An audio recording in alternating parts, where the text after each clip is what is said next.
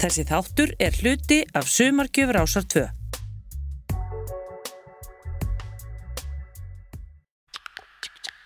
Árið er 1976. She's crazy like a fool.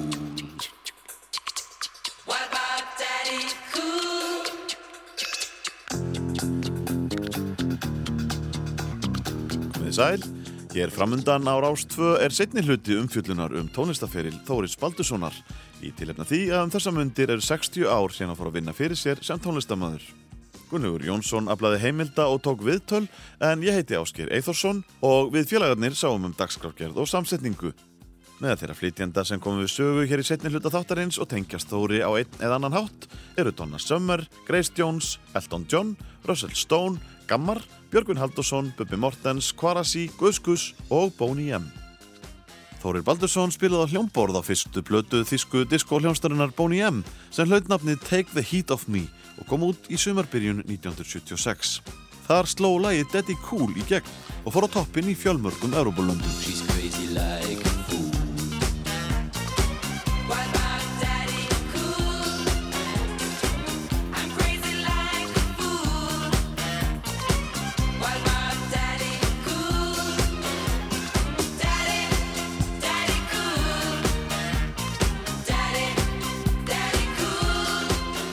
Um haustið hófust upptökur á annari plötu Boney M og var Þórir kallaður í Union stúdióið í Munhén á samt nokkrum félögum sínum úr Munich Machine en á plötum Boney M gengur þeir undir nafninu Rhythm Machine.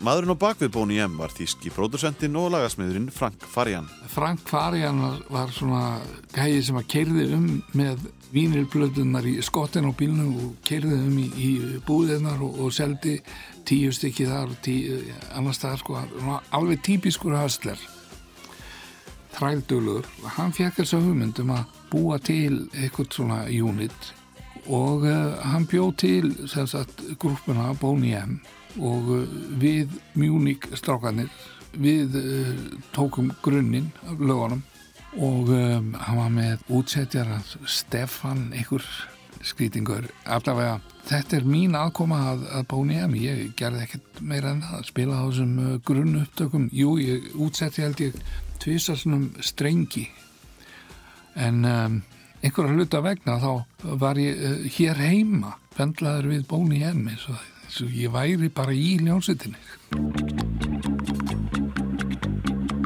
This is the story of my baker, the meanest cat from old Chicago town.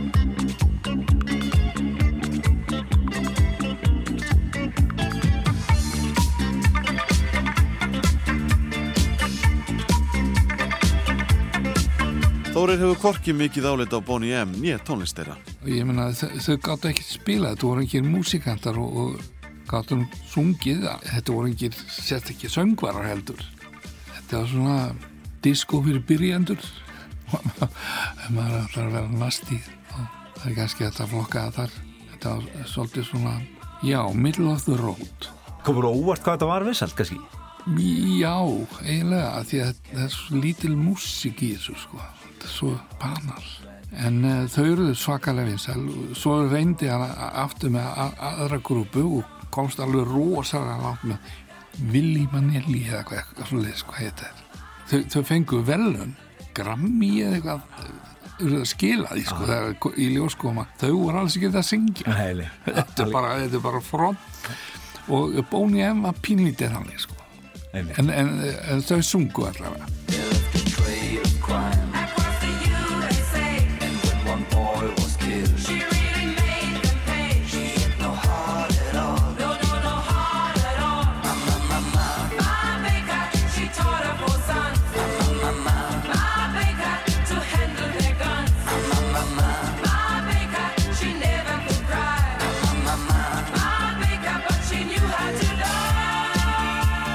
Baldursson tók ekki þátt í fleiri plötum Boney M og í viðtali við morgunblaði 10. oktober 1976 sagðist hann hafa unnið við hljóðfæraleik í fjögur ár í munn hér en nú var hann orðið þreyttur á þeirri vinnu og hefði sett stefnun á að semja meiri tónlist og vinna við útsetningar.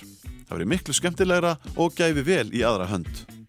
Þórir tók vissulega þessi skref næstu árin en hann var þó alls ekki hættur að búa til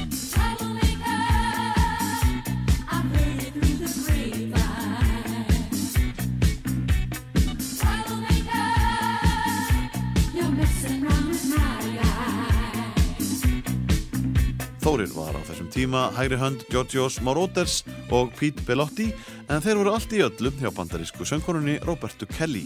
Þetta var uh, blökku sönguna sem að átti svona að feta í fótspór donnu held ég. Held að það hafa nú verið hugmyndin sko.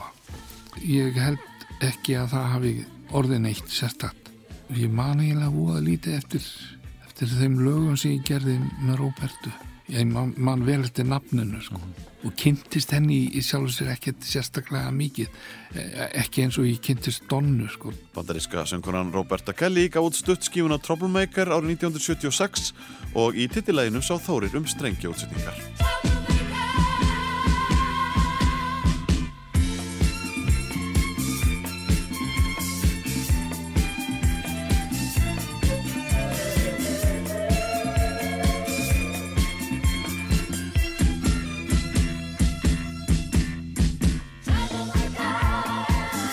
Kelly gaf svo út plötuna Zodiac Lady árið síðar og útgáfufyrirtæki hennar á þessum tíma var Casablanca Records. Casablanca nafnið er komið úr kvikmyndinni Casablanca af því að eigandi þessa fyrirtækis Neil Bogart hann hefur skýrt fyrirtækið sitt Casablanca því að hann var með sama eftirnafn og leikarin Humphrey Bogart Get up and get your grandma out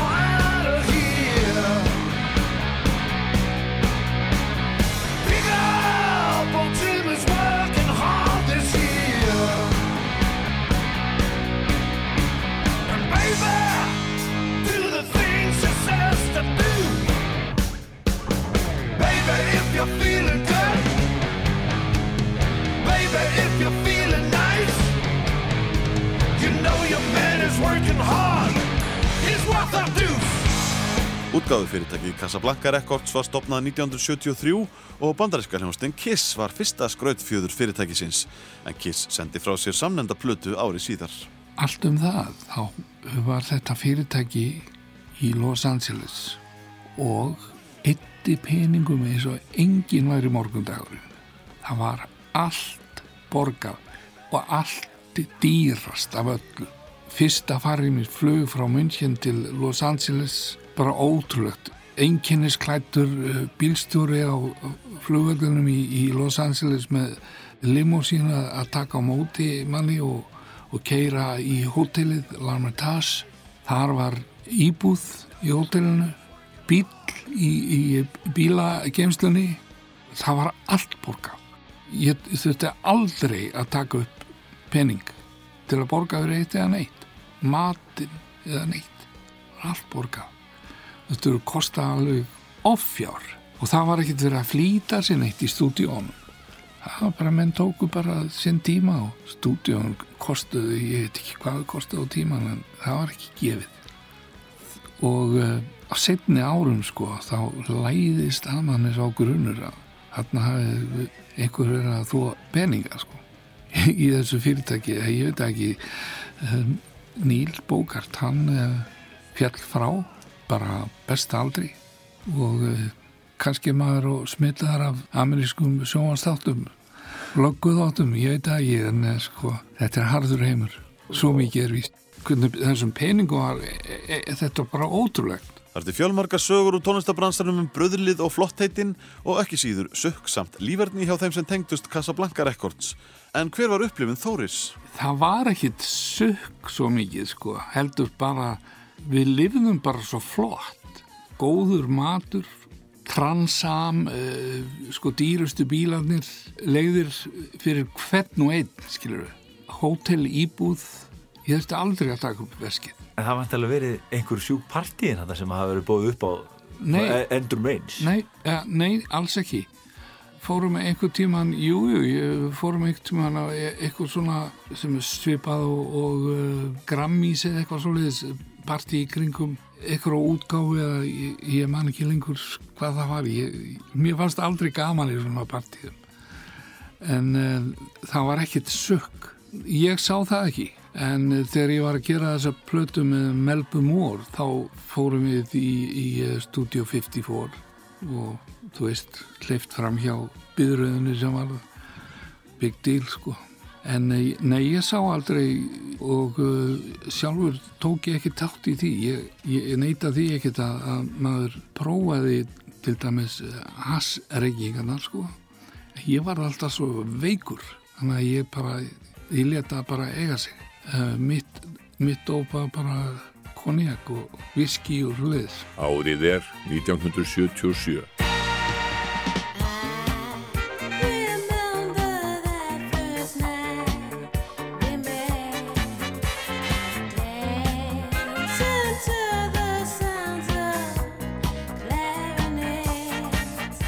Árið 1977 var stórt hjá Donnu Sömmer því á tekniborðinu var að gefa tvær plötur sem báðar fór í vinslu setni hluta ársins 1976. Á fymtu plötunni, I Remember Yesterday, var Þórir á sínum stað sem aðal útsetjari fyrir Moroder og Sömmer, auk þess sem hann spilaði á hljómborð og skrifaði strengja útsetningar. Platan var nokkuð skona þemaplata, þar sem fyrst var litið aftur til fortíðar og diskolögin voru undir sterkum áhrifum frá bandarískri poptónlist 5., 7. og 7. áratugurins. En platan endaði svo með magnari framtíðasín sem átt eftir að hafa meiri áhrif á tónlistabransan en nokkurn hefði órað fyrir.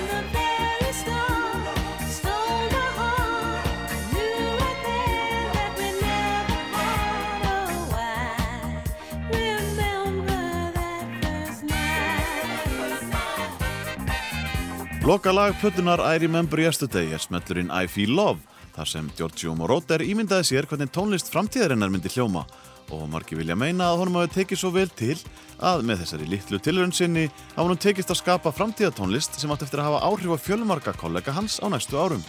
Lægið er eitt áhrifamesta diskolag allra tíma og fór allarlega á topp breska smáskjöfulistans í júli 1977 þar sem hann satt í fjórar vikur. En þarna var á ferðinni fyrsta lægið, sungið af alþjóðlegri popstjörnu þar sem undirspilið var algjörlega rafrænt.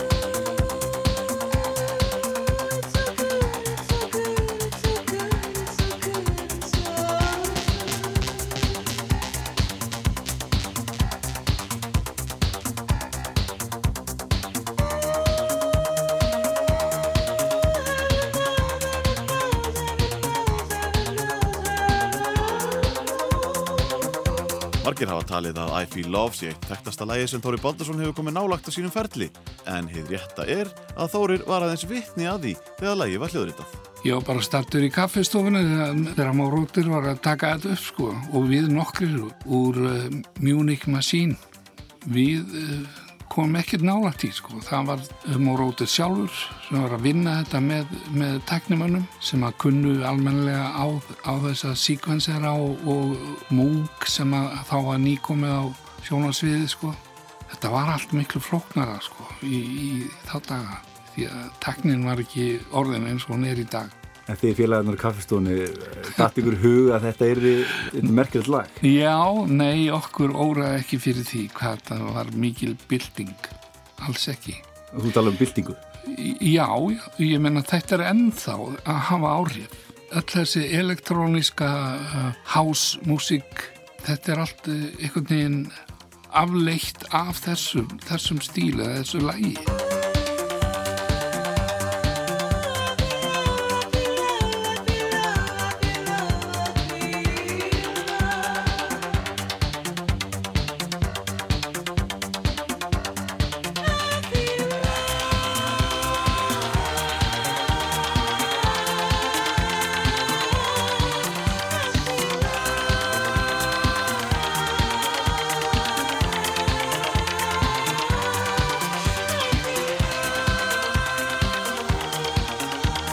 Áður en upptökur hófust á sjöttu plötu Donni Sömmer skildu leiðir Þóris og hennar að mestu leiti. Hvernig kom það til? Hún mókaðist aðeins við mig sko. Ég var stattur í New York þá. Hún ringdi í mig og bað mig um að koma niður til LA. Hún væri með fullt af verkefnum. Og ég sagði Donna, getur það að byði aðeins? Ég er ennbla í miðju verkefni og ég vil endilega klára það en svo skal ég koma. Það fannst henni ekki nógu gott. Þá var hún orðin dífa. Já, ég skil hana vel en ég hef held ég aldrei tapað einn stórt eins og að taka þessa afstöðu sko. Já. En hvað átti ég að gera? Ég hef líka alveg geta látið bara hérna býða bara hérna sem að skipta engum máli sko. En uh, þá hefði ég ekki staðið við orð mín og uh, ég hef alltaf viljað standa við orð mín. En við- hættum ekkert sko að eiga samskipti ekkert svoleiðis, það var ekki svoleiðis uh, fói og ykkur reyði sko en ég, ég fekk samt að finna það því að þau verkefni sem að hún þurfti að taka og fá aðstofið það fjall í hendur annara útsetjara og hljómbólsleikara og þannig náttúrulega misti ég að lestinni. Og ég er sko alls ekki bitur yfir því hvernig fór því að ég var alltaf með hugan hingar heim og hér heima. Ég var alltaf að hugsa að það verður nú gaman að rifja þetta þegar ég komin heim og nú er ég heima og er hverki betra að vera hér Once upon a time, there was a girl.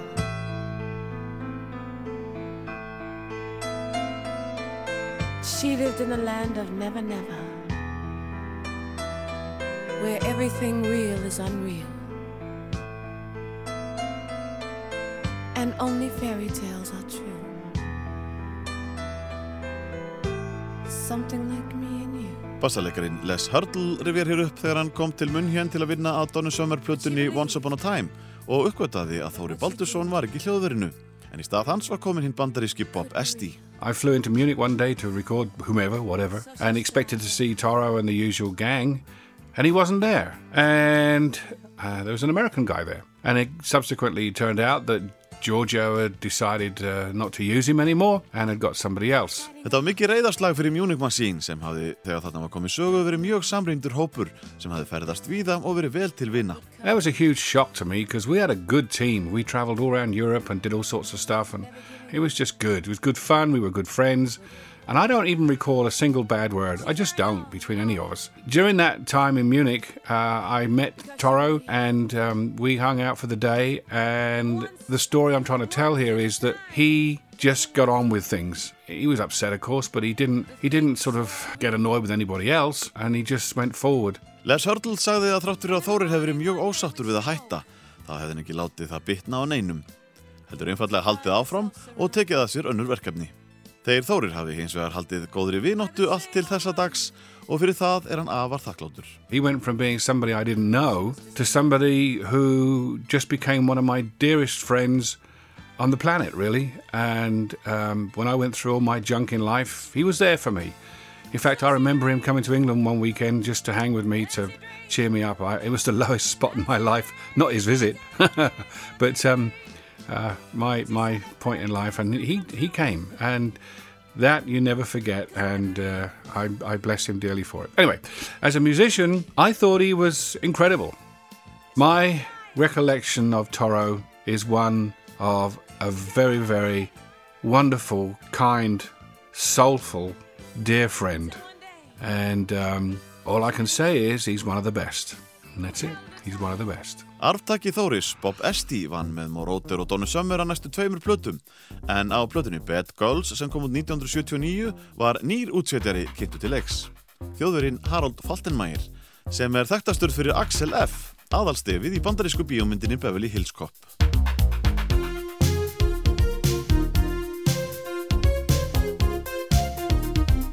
Þótt Þóri Baldursson hafi verið fjárverandi í næstu verkefnum Donny Summer og Giorgio Moroder var hann hverginari hættur að vinna með þeirra nánasta samstagsmanni, Pete Bellotti.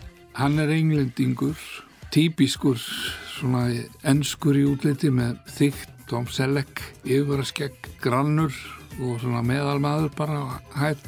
Maður orðsins, hann, hann var lægin við að búa til texta. Eða hann var engin músikant sko. Hann samt engin lög eða lælinu, engan talent í það. En hann gæti sami texta og gerði. Og svona business sinnaður passaði vel upp á sig.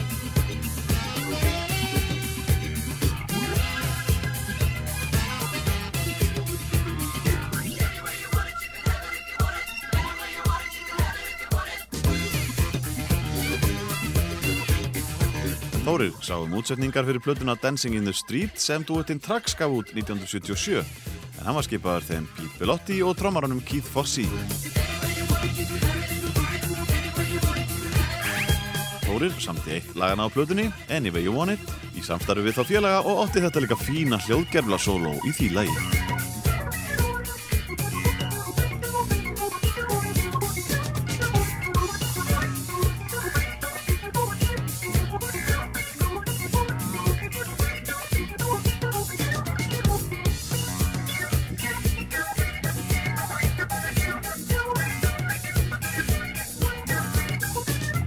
Þórir var í stóru hlutverki á þriðju sóloplötu söng og leikkonu sem einnig var þekkt sem fyrirsæta og rithöfundur. Hún heitir Marcia Hunt og sendi frá sér plötu sem bara einfallega nafnið Marcia árið 1977 og Pete Bellotti stjórnaði upptökum. Marcia var bandarísk en flutti til Bretlands 1966 og hafði komið víða við. Hún leik í Hárinu þegar söngleikurinn var frumsýndur í London 1968 og gaf út sína fyrstu soloplötu, Woman Child, árið 1971. Um tíma var hún kærasta Mick Jagger og saman eignustu dótturina Karis árið 1970. Þegar Karis fættist var samband þeirra á enda en Marcia Hunt varð Jagger einhvað síður innblástur í texta Rolling Stones slagarans Brown Sugar.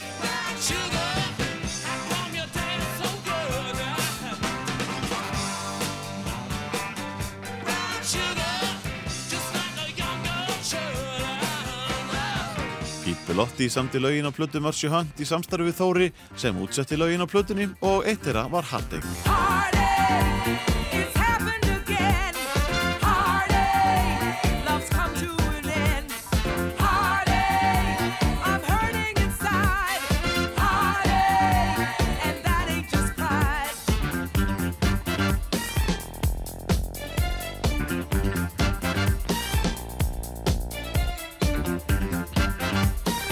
Þórir var ekki oft kallað til London til að taka upp plötur en það gerðist á ári 1977 þegar hljómsveitin Sailor var að taka upp sína fjörðu plötu Checkpoint. Girls, girls, girls Girls, girls, girls Girls, girls, girls. Breska hljómsveitin Sailor gáði sína fyrstu plötu ári 1974 en slói gegn ári síðar með lögunum Girls, girls, girls og Glass of Champagne.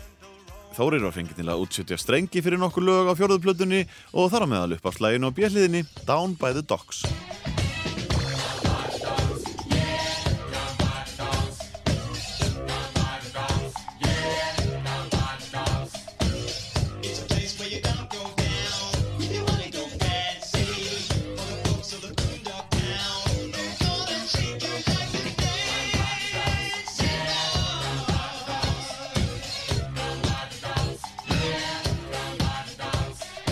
Hvernig kom það til að Þóri bauðst að vinna með Sailor-piltunum? Sá sem að prúduseraði þá plötu með Sailor var Amerikanin úr Beach Boys, Bruce Johnston. Hann hafði sambandi með mig og uh, fór þess að leitið mig að ég myndi skrifa þessar strengja útsetningar sem ég gerði og fór með það til London og það tekið upp. Það var bara mjög ánægileg reynsla í, minningunni. Njátt elskar Stínu, en Stína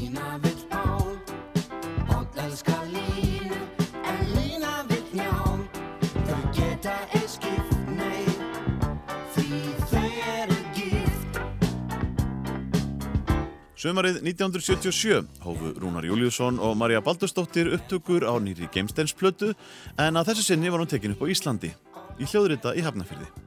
Platan fekk nafni Game 3 og þrjú lagana voru eftirlegu kindur frá upptökum í New York árið áður.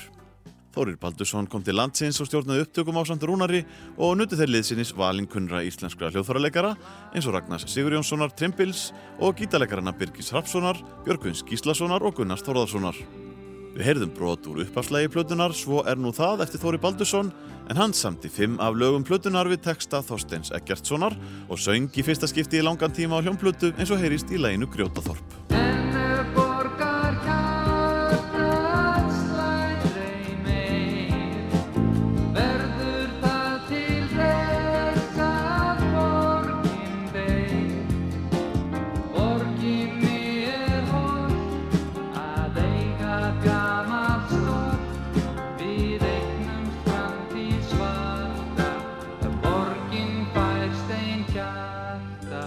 Ég hafði alltaf heimþrá allan tíman sem ég var úti þannig að mér þótti alltaf æðislega gaman að koma heim og vinna. Ég var að gera gott í hérna og ég var vanur að vinna og fljótur að vinna þannig að þetta var bara mjög gott. Ég hafði ekkit sungið heldur í, í mörg ár. Svo hætti ég því alveg og í dag get ég bara nákvæmlega ekki neitt sungið. Það er þannig með, með uh, röddina, þetta er vöðvi og ef þú ekki notar hann, þá bara rýrnar hann og þú hefur ekkit kontról lengur. Breski hljóðmaðurinn Tony Cook var rúmlega tvítugur þegar hann kom til landsins sumarið 1975, rétt eftir að starfsemi hóst í hljóðrita. Tveimur árum síðar var Tony enn í hljóðrita og hann rifjar upp þegar platan Game 3 var tekin upp en hann var mjög ánægð með að fá að vinna með Þóri Baldurssoni. I think Thordy was still in Germany, so working with him was uh, going to be a rare and welcome opportunity. He was already known to us then for being both professional and successful abroad, and so his arrival back home in Iceland was quite something at the time, as I recall.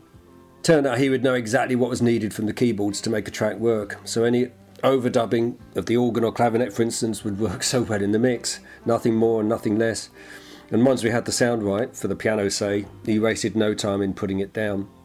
He was extremely efficient in the studio, and of course expected that of the people working with him.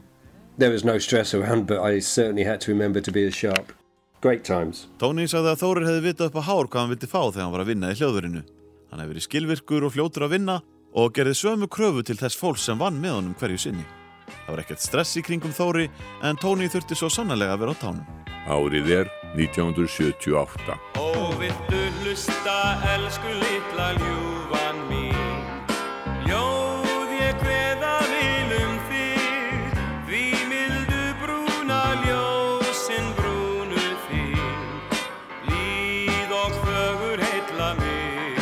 Í byrjun ás 1978 hafði Svafa gest samband við Þóri og spurði hvort hann verið tilbúin til að gera plötu með Elli Vilhjáms og æskuvini hans Einar Júliusinni fyrir SG hljómplötur. Hugmynd Svavas var að gera plötu með lögum Janna Jóns en það voru sex ár síðan ný plata hafði komið út með Elli sem var jólaplata hennar og Vilhjáms bróður hennar. Þórir tók hljóðfarleikin upp í munn hér með félögum sínum en kom heim um vorið og tók upp söngin í tóntækni hljóðveri SG hljómplatna. Platan kom svo út um haustið og við heyrðum brot úr læginu Brúna ljósin brúnu sem vann fyrstu velun í henni góðsagtankendu danslæðakeppni Skemmtiklúps Templara árið 1954. En uppafslag plötunar Lipurtá þótti byrja keim af þeim hljóðheimi sem Þóri var að vinna í munni henn.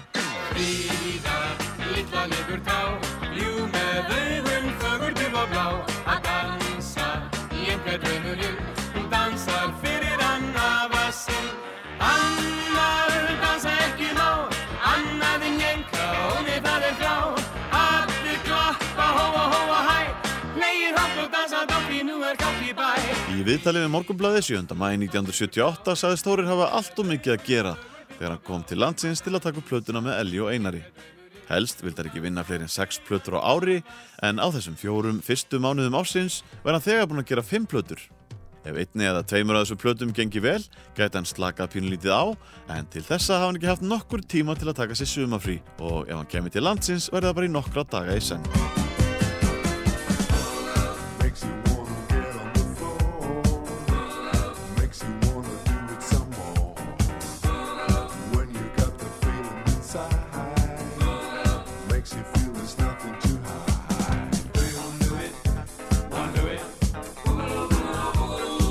Árið 1978 kom út platan Búgalú sem Þóri Baldursson gerði með sænska gítarleikarunum Mats Björklund en upptökurnar fóru fram í Munhén í november 1977. Já, við vorum bennur að gera plötu fyrir EMI sem átti að mest að vera instrumental plata svolítið svona spacey en með funk elementum sko. Það eru þó tvö lög sem sungið er í Títilægið er sungið það var hérna amerískur strákur bjóði munn hérna og býr kannski enn. Hann söng þetta fyrir okkur. Ljómandi góður söngvari og laga höfundur og uh, við vorum strax konum með títil á þessa það var B&B Baldursson og Björklund. Ég samdi stutt tónverk fyrir strengi og tré og blásara og allt slagverk og allt saman. Svona smá symfónist sound og svo nokkur svona fanglög sem að ég og Mats sömdum bara saman. Þetta náði aldrei neinum flugi því miður. Sömd af þessu var príðilegt og annað ekki það er eins og kengur Mats Björklund rifir upp samstarf sitt við Þóri Baldursson og þá staðreind að það virtist ekki skipta máli hvort Þóri var að fást við disco, funk, country tónlist eða eitthvað allt annað. Það hefði allt leikið í höndunum á honum. He always gave me a confidence, and it was always good music when he was around. And it didn't matter if it was like disco or more funky, or even if it was country music, he, he could play all the styles. But I've never heard anybody play the Hammond organ the way he did. It's like kick ass. So um, I'm very happy to uh, have my career been started off by such a fantastic musician. So I'm I'm very grateful still. Björklund sagðist aldrei hafa heyrt nokkurn mann spila eins vel á Hammond-orgelið og Þóri Baldursson. Hann myndist þess líka þegar lagið Hæ var tekið upp, þar sem 15 manna strengjarsveið þótti sérstaklega mikið til uppafstónalagsins koma. And there was one song called High. It was a slow instrumental where Thor arranged a string. We wrote the song together, and he said, I think I have an idea for a nice string intro. So uh, he wrote it and recorded strings live in the studio. We had about 15, 16 people, I think, playing. And when they played it through once, the whole, the whole intro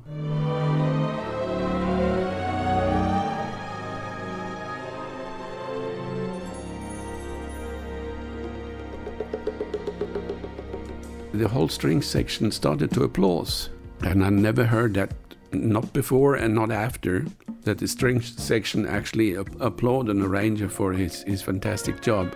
And when you hear it on the record, you also know why, because it's such a beautiful st- string arrangement he did there. Mats Björklund rifið upp upptökur á Hæ, lokalæginu á plutunni Búkalú.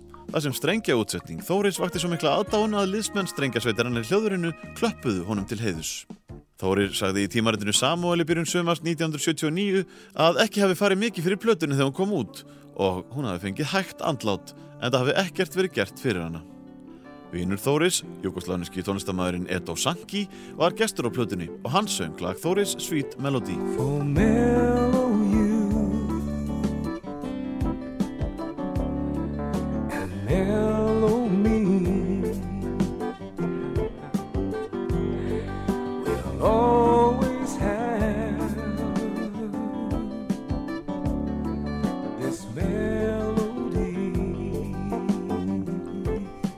Þóri Baldursson held alltaf góðu sambandi við Edo Sanki og yngri bróður hans Vilko eftir að bræðurnir hitt hann í Sviss 1973 og fengi hann með sér í plötu upptökur í munn hér.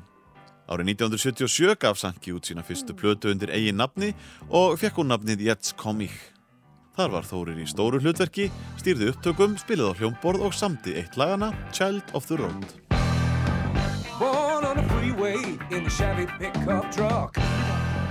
Must be the reason why I can't give traveling up. Now my sheep on me beneath the yellow moon. I've kept on driving, didn't notice me till noon. I'm still a child of the road. Í viðtali við Samuel hausti 1977 sagði Þórir að hann og Edo Sanki hefðu ári áður stopnað lagafólaði Stablo og hugmyndin væri að útvega tónlistamönnum lög og einnig koma lögum á framfæri við framleiðendur. Hann sagði að veri meiri framtíð í því að hasla sig völl sem lagasmiður og útsetjari og byrjunin lofaði góðu. Þeir verið góðu samstarfi við CBS útgáfurísan sem gáð plötu Edo Sanki og ennskættaða risafórlagið FDH sem væri fjárstert og hefði bóðið þeim að byggja fyrir þá 250.000 marka hljóðver í munn hér og verið tilbúin til að skuldbinda sig til að útvega þeim næg viðskipti til að reyka hljóðverið halla laust. Þegar þarna var komið sögu höfðu Edo og Þórir ekki tekið ákvörunum hvort þeir ætluð að taka tilbúðinu en það fór svo endanum að ekkert varð úr þessum fyrirætlunum. Þórir hafði lítið sem ekkert verið á tónleikaferðalögum frá tíma sínum í Svíþjóð en hann fór á tveggja vekna túr með hljómsveit Edos og Sanki í haustið 1977 þar sem hitta var upp fyrir enska tónlistamannin Leo Sayer sem hafði slegið rækilegi gegn árið áður meðal annars með topplæginu You Make Me Feel Like Dancing.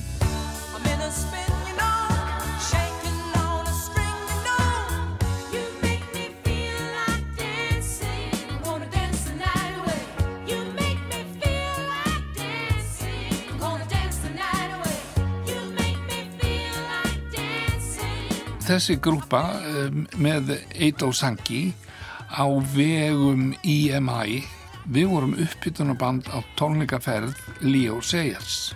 Við ferðumst um nánast alla mið-Evrópu og uh, helstu borgir, París, Holland og Belgíu, Danmörk og svo náttúrulega einhverja borgir í Þískalandi líka sko. Þórir sagði í viðtali við Samuel að CBS plötufyrirtækið hefði mikið náhuga því að gera Edo Sanki að stjörnu og hann ætti mikla möguleika á að hljóta vinseldir því bæði væri hann líflegur og hefði feikna góða rödd. Í júni 1978 voru Þórir og Edo Sanki afturmættir í Musicland hljóðverið til að taka upp aðra soloplötu Sankis sem hlaut nafnið Jump Back og var gefin út 1979. Þórir stjórnaði upptökum og útsetti sex lög á samt sínum helstu samstarfsmönnum Keith Forsey á trommur, Mats Björklund á gítar og Les Hurdle á bassa. Edo Sanki kláraði svo upptökurnar í Hansa-hljóðurinn í Berlín í byrjun ás 1979 en þá var Þórir fjárverandi. Þóri Baldursson samti tvö lög í samvinum við Sanki bræður og annað þeirra var Love I Want To Share. How do I begin? I don't know if I can explain. Let me try and tell you that I don't want to cause you any pain. So, how do I begin? How do I say, take good care when there's always something to scare away the love I want to share.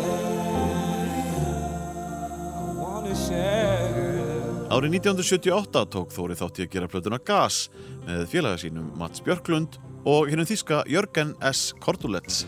Þórir samti sex af átta lögum á plötunni og flest í samstarfi við aðra á samtíð að útsetja og eitt af lögum Þóris var Indian Gas.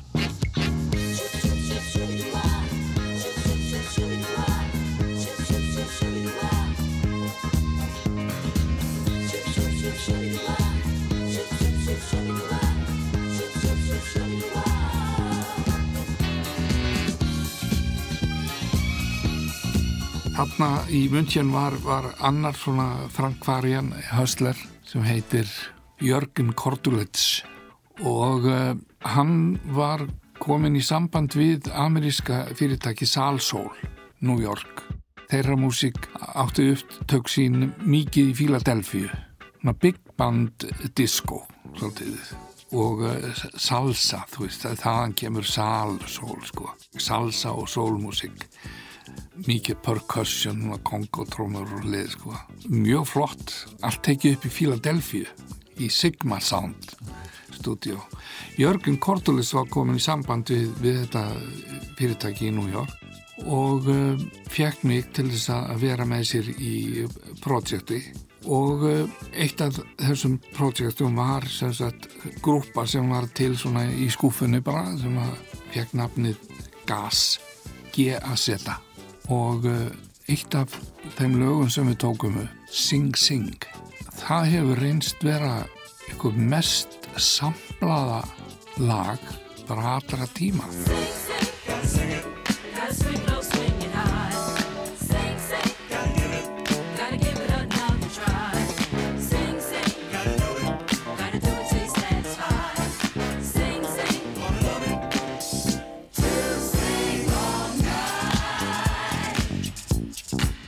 þegar við tókum upp þessi, mörg þessi laga þá er yfirleitt sett svona klapp klöppuðum sko með, með höndunum. Því að það voru ekki komnar þessar trommu maskínur sem að voru bara með sömbluðu klappi. Þannig að við vorum kannski fjóri, fimm við mikrofón og klöppuðum og það er það klapp sem þú heyrir í þessu sing-sing hlægi, það er alvöru klapp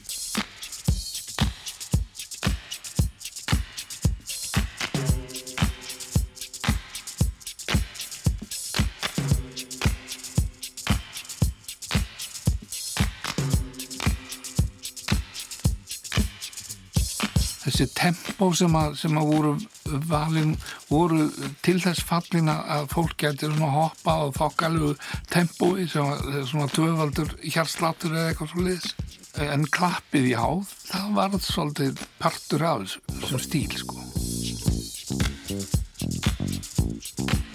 Og Sing Sing ef, ef að einhvern ennur fletta því upp og gas og sér maður hvað þau eru opbúslega mikið nota Hvernig með höfundagreislur? Ertu orðið ríkur? Ég sé ekki króna þessu en ég er að byrja að klóra í bakkana þessi. Það er fólk sem getur aðstofa mig í þessu og vinnu minn hann Les Hurdle sem spilaði að passa á tónuplötunum býr í Los Angeles búin að búa þar síðan 1970 okkar. Hann er óþreytandi við að finna svona á netinu. Hann hefur eiginlega ekkert annað að gera og senda mér og segja rukkaði fyrir þetta, rukkaði fyrir hitt. Þannig að hann heldur mér við efnið. Þannig ég ágóða að. Kannski eitt góðan við þetta. Hringlar í bögnum mínum eitthvað.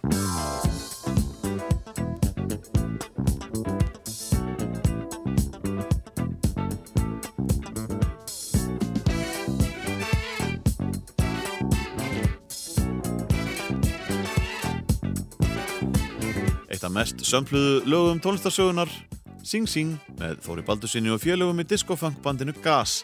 En meðal þekktra flytjenda sem hafa nýtt sér búta úr læginu má nefna Grandmaster Flash og Wu-Tang Clan.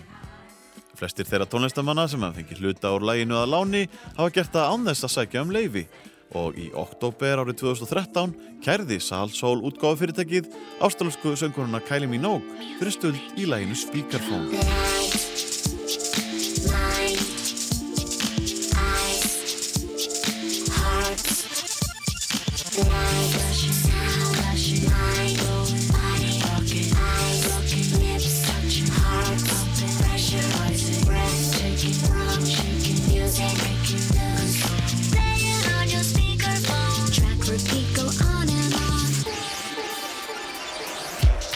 Machine gun rap for all my niggas in the back. Stadium pack, linebacker nigga, flash stack, see through yellow lines. Rock a fly jersey in the summertime, guard. Magic marker rap, bleed Benadine, relax, wrote this.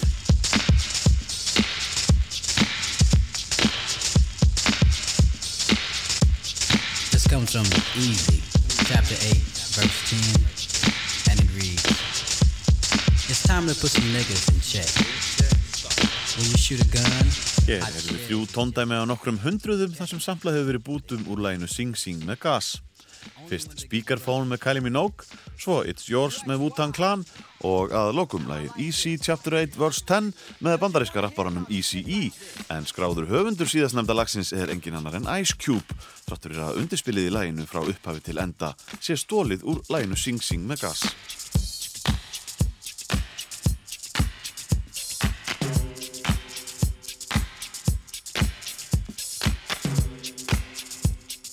Svipaleiti samti Þóri líka lag fyrir kvikmyndina Thank God It's Friday frá árinu 1978. Lagið heitir I Wanna Dance og það er að mesturleiti ósungið.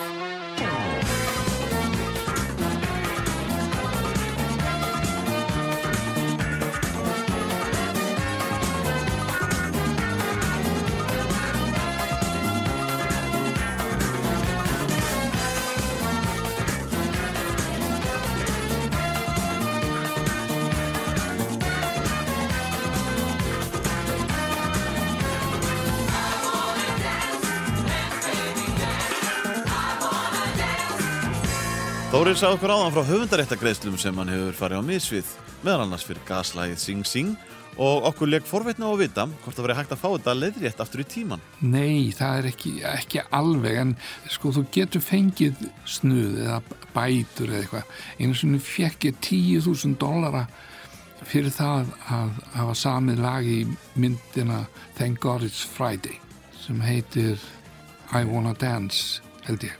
Það er instrumental og er í myndinu Thank God It's Friday sem er orðin svona eins konar cult movie. Þetta er svona í, í þeim anda sem að Salsól var, það er svolítið svona hratt disco, percussion, marg, marg mixað af einhverjum snillingum sem ég, ég kom ekki nála tíð sko, klift til allavega og skrýta klippingar, en hei, það er í myndinu.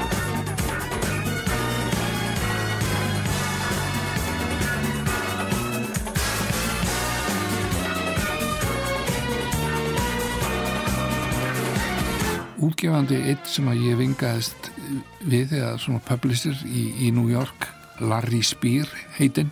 Þetta var fjölskyldu fyrirtæki sko pappans og búin að vera publisher í mörg ár. Hann eh, skrifaði nokkuð bref og einhver símtöl og ég fekk 10.000 dollara sem ég hafði ekki fengið annað sko. Af því að uh, Bilotti sem að átti engan þátt í þessu lagi annan en þann að koma þessu gegnum Donnusömmur og Casablanca sambjöndin í kvikmyndina. Hann tillaði sig sem höfund á móti mér. Hann hefur rýrt allan peningana ég hef ekki séð neitt af því.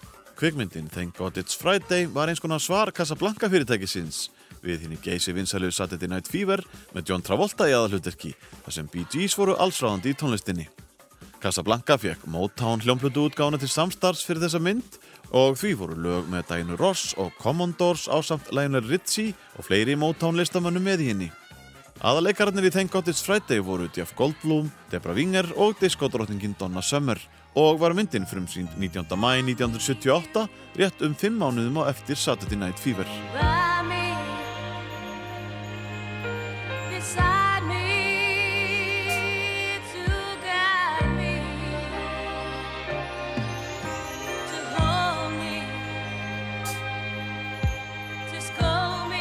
Donna Summer söng aðalagið í söngvamyndinni Thank God It's Friday, Last Dance, sem hún vann með Giorgio Moroder og lagahöfundinum Paul Jabara. Þau nældu sér bæði í Golden Globe og Óskarsvölunin fyrir besta lagið í kvikmynd árið 1978. So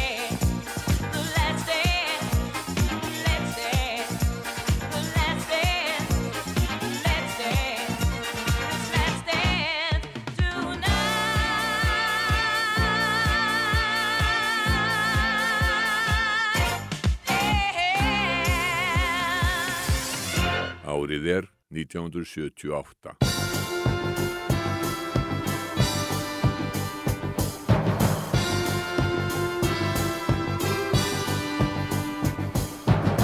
Þóri Baldursson fekk óvænt símtal frá bandaríkjunum í upphafi ás 1978. Ég fekk nefnilega ringingu frá um, sem ég kalla Deputy uh, Commissioner of New York. Sem, sagt varaformaður eða eitthvað slíkt sko stjórnar New York borgar og það stóð yfir mikil svona auglýsinga herferð í New York til þess að bæta ímynd borgarinnar. Og þá búið að semja lag sem var í svona auglýsingastíl með, með þessum típiska ameríska uh, blanda kór. I love New York bara mjög ein- einfalt tema sko. Þú manst eftir bólunum sem kom í æ og svo hjarta og enn uppsölu I love New York. Þessi deputy commissioner, hann ringdi bara í mig til München og bað mig um að gera svona disco útgáfu af þessu lægi. Og ég gerði það og uh, þá var ég í uh, góðum samböndu við blötu fyrirtæki Salsól og þeir gáfu þetta út. Mér þótti budgetið að það fínt að ég pantaði mér far með Concorde þóttinu og sem flög frá París til New York borgar.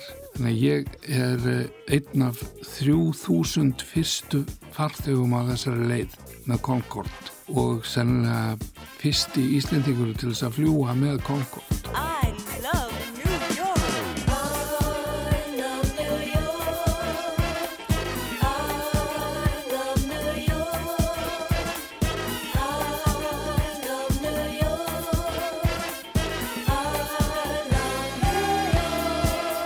Lagið I Love New York var endurútgefið í áspyrju 1978 og Þóri Baldursson og félagar gáði hljómsettinni nafnið Metropolis. Ég byrjaði á, á I Love New York í München og kláraði það í Philadelphia og Tom Moulton hann mixaði það fyrir mig. Hann er reyndar engin tæknimaður, hann er bara, þú veist, hann situr bara á pródusserar, finnur að og mælir með. Einn af samstarfsmunum Þóris við upptökurnar var Tom nokkur Moulton og þeir átt eftir að vinna saman að mörgum verkefnum næsta árið. Trausti Júliusson skrifaði greinum Moulton í fréttablaðið árið 2012 þar sem hann kynnt hann til leiks sem mannin sem gerði fyrsta diskomixið og þar með hann því í raun maðurinn á bakvið 12-tómi mixin við frægu. Í upphafi áttunda áratugurins hafa hann tekið eftir því að plötusnúðar á Long Island spiluðu aðalega þryggja mínúta smá skjúlug og hann fekk þá hugmynd að lengja lögin sem hann gerði og náða að samfara réttu menninni í bransanum um að þetta var í málið. Moulton lengdi lögin, bætti við og byggði upp til dæmis með því að taka út allar hljóðrásir nema trommur og týna svo hljóðfærin aftur inn hvert af öðru og byggja þannig upp stigmögnun í lögunum. Þetta sló í gegn á klúbunum, Moulton var fengið til að vinna með tónlist hjá ýmsum plötufyrirtækjum og í kjölfarið fóru fleiri að gera slíkt þið sama. Það er amerískur pródusent, líka með svona Tom Selleck yfir skegg. Myndalegu maður. Hann er big shot í disco og mix heiminum sko. Tom Moulton mix eru þekkt í nörda samfélaginu og þeir er að grafast fyrir um gamlar disco og 80, 70s og 80s upptökur. Það er Tom Moulton, spilar hann stóra hrullu. Hann eh, próduseraði Grace Jones hennar frægasta hitt hérna Lavian Rose, var ekki Lavian Rose? Og marga fleiri sko. Og hann var mjög tengdur Salsól sem plötu fyrir, fyrirtæki í New York. Il me prend dans ses bras, il met pas le haut bas, je vois la vie en rose. Tom Moulton vann mikið fyrir Salsoul útgáðu fyrirtækið þessum árum og hann mixaði I Love New York lagið sem Þórir útsetti og stjórnaði upptökum á. Moulton var strax mjög ánæðið með Þóri og þeir unnu mjög vel saman. and I liked him so much because I liked his enthusiasm. He kind of reminded me of me, maybe in a different way, but you know, he was very enthusiastic and very up about the music, which I'm also very much like that. I just thought it was an honor to work with him. Í viðtali við Morgunblæði 7. mæ 1978 sagði Þórir að hann væri á leiðinni til New York til að vinna stóra plötu með hljóðusbandinu Metropolis. Uppalega var reyndar ekki á dagskrá að gera nema eitt lag undir nafni Metropolis en í kjálfar mikill að vinselda I Love New York var ákveðið að slá til og gera heila breyðskífu.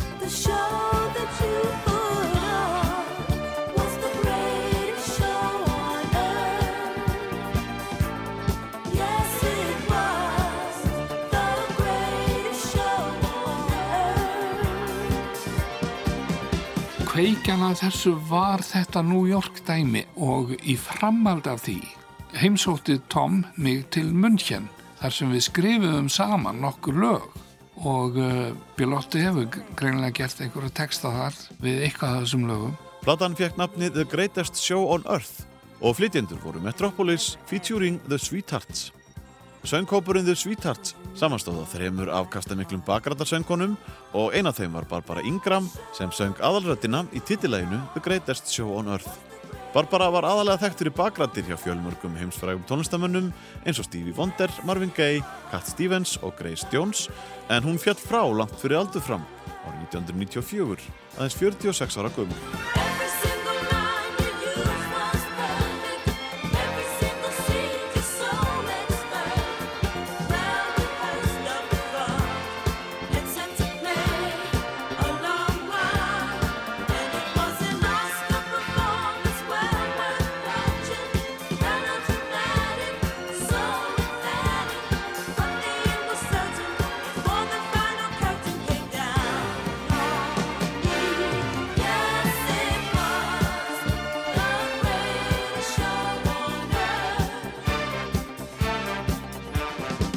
Platan var bæði tekin upp í Musicland í München og í Sigma Sound Studios í Philadelphia. Þórir stjórnaði upptökum á samt Tom Moulton og samti líka útsetti sjö af nýju lögum plötunar. Lægið Every Time I See Him samti Þórir með eiginkonu sinni Nínu Lísell.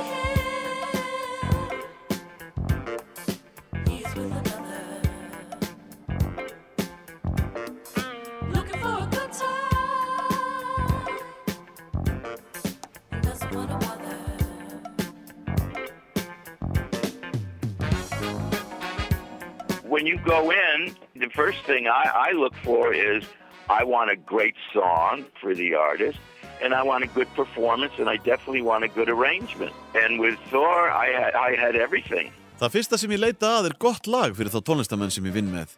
Því þarf auðvitað að fylgja góður flutningur og útsetningin þarf að passa við lagið. Á öllum þessum sviðum er Þórir fagmaður fram í fingurgóma, sagði Tom Moulton um samstarf þeirra Þóris Baldurssonar. I'm surprised he's not a, a famous jazz artist because he's really, he really loves soulful music, but he leans towards the jazz side. He really does. I mean, especially on the synthesizer and keyboards. My God, I mean, he's just amazing. It's almost a shame that he had to conform to pop music because I think if you just let him go and do his own thing, I think he would have like really expanded much more because he's he's just so talented. I mean, I I, I sound like the, I'm the president of his fan club. Well, I guess I really am, but he's just so talented.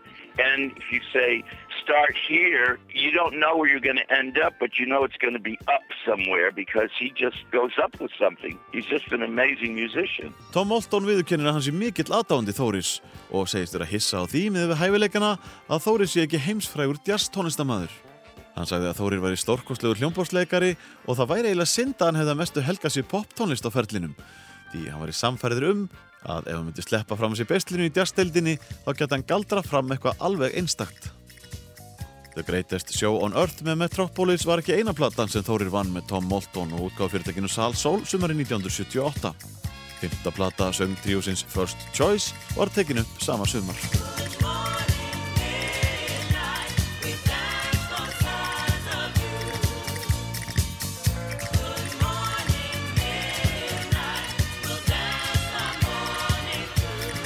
Þessi fymta hljóðursplata First Choice kom út 1979 og fekk nafnið Hold Your Horses.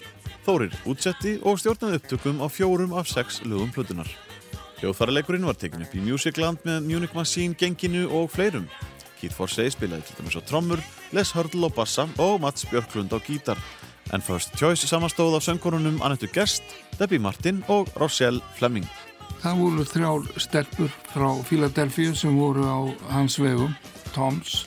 Svo grúpa hefur orðið til sem bakrata grúpa sem er mjög algengt sko. Sumt af þessu var alveg í- Philadelphia í þessu fræga Sigma Sound Studios sem þar var og tók upp allt þetta típiska Philly sound. Það er allt úr Sigma. Þórir samti tvö lagana á plötunni í samstarfi við Mats Björklund við texta Pete Bellotti og annað þeirra er því frábæra Good Morning Midnight.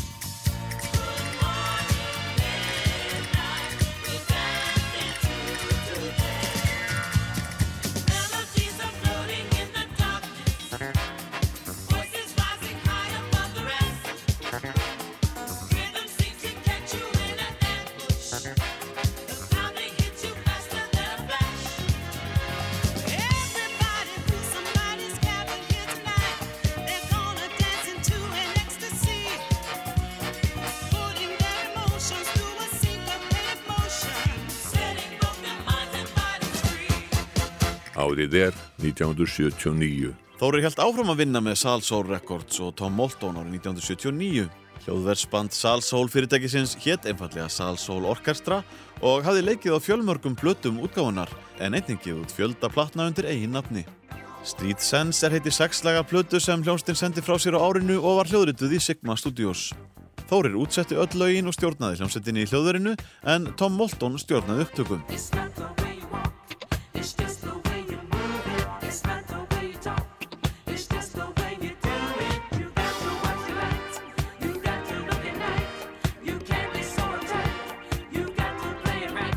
Þórir og Tom höfðu samið nokkuð lög í saminningu í munn hér árið áður.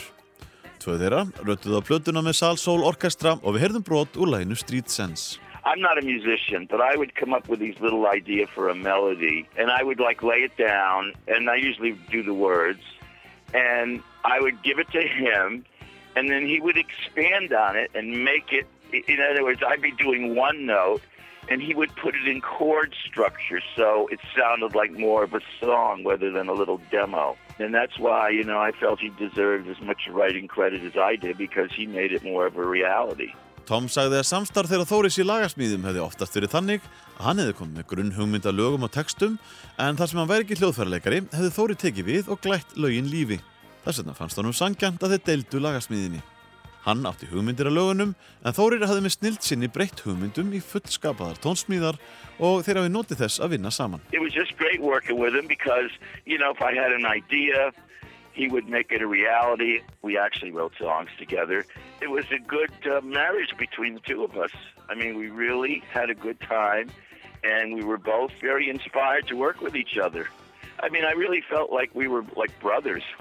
You know, I'd have a basic, simple chord thing, and he would fill it out and make it more of a polished song. But he would take the basic idea of the song and make a big arrangement out of it. I mean, that was what's so great. So, and what he does with strings and horns is just uh, amazing to me. If you set him on this path, I mean, he just goes all out on it. I mean, it's just wonderful.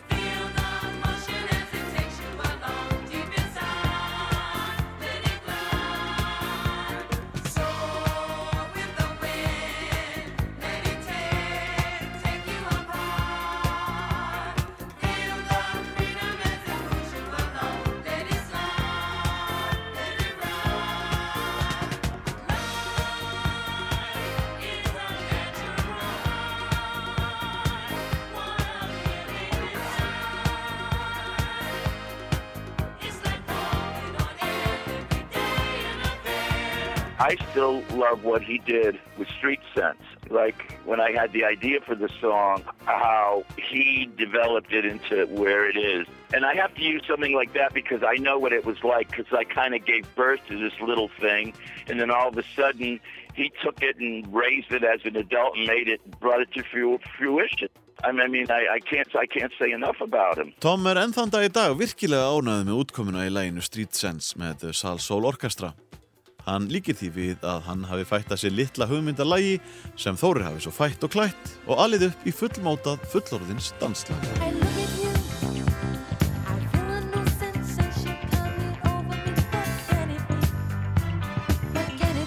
Þá vikur sögunni að kvennatrífunni Loose Chains sem sendi frá sér sína fyrstu plötu árið 1979.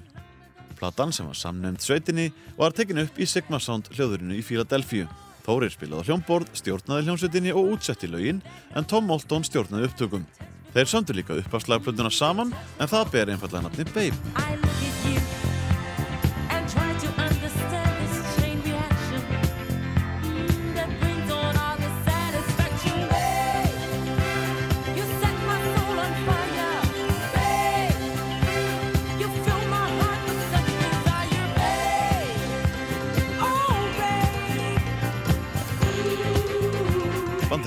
Stúlkna tríóði Loose Chains og lagið Babe eftir Þóri Baldursson og Tom Moulton.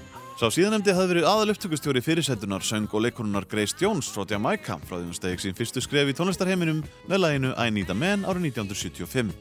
Fjórum árum síðar sendur frá sér þriðju hljóðursplutuna og þar sem Tom og Þórir höfðu unnið náið saman síðasta árið lág beinast við að Þórir yrði aðal útsetjar í plötunar á samt því að spila hljómborð.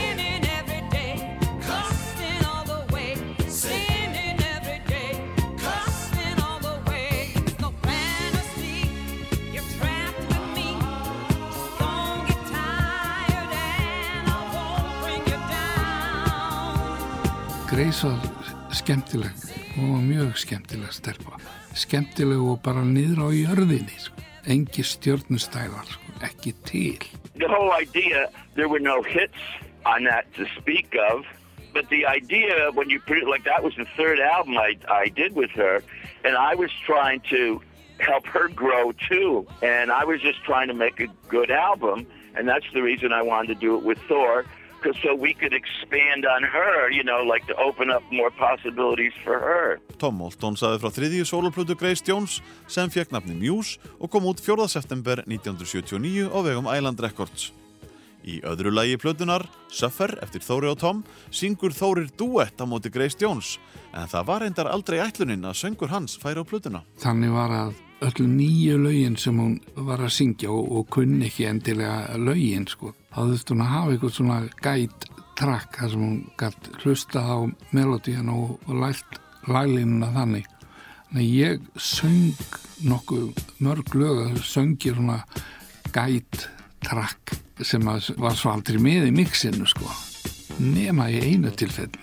Og það var hann mér forspurðum lag sem heitir Suffer var svona svipuhögg og þetta hefur svona sexual undertón sko svipan og, og suffer og allt það sko You did your dirt, you did your wrong. Now, su-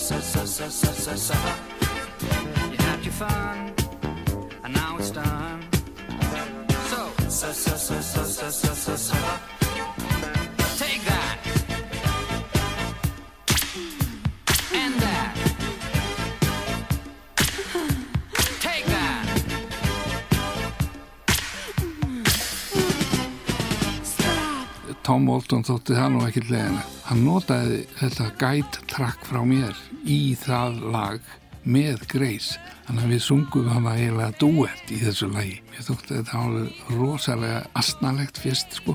Svo er ég alveg sáttu við það núna. Mér er eiginlega alveg sama. Bara gaman að þessu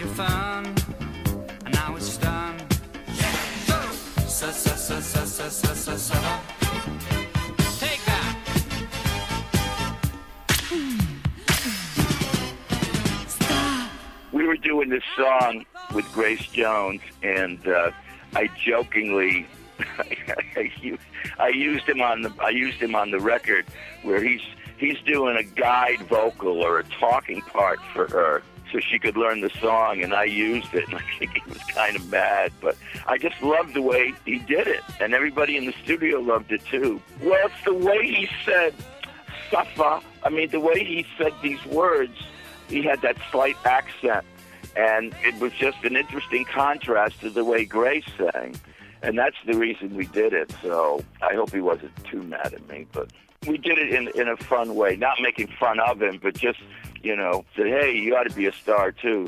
Tom Moulton saði frá því hvernig það kom til að söngur Þóris Baldurssonar, sem uppalega átti bara að vera til leiðbenningar fyrir Grace Jones, rataði á plötuna.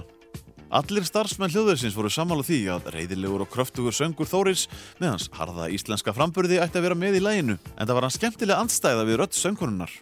Ætlurinn hafði alls ekki verið að gera grína Þóri, heldur þvert á móti fannst Tom hér heldur betur vera tækifæri til að gera stjörnu úr manninum á bakvið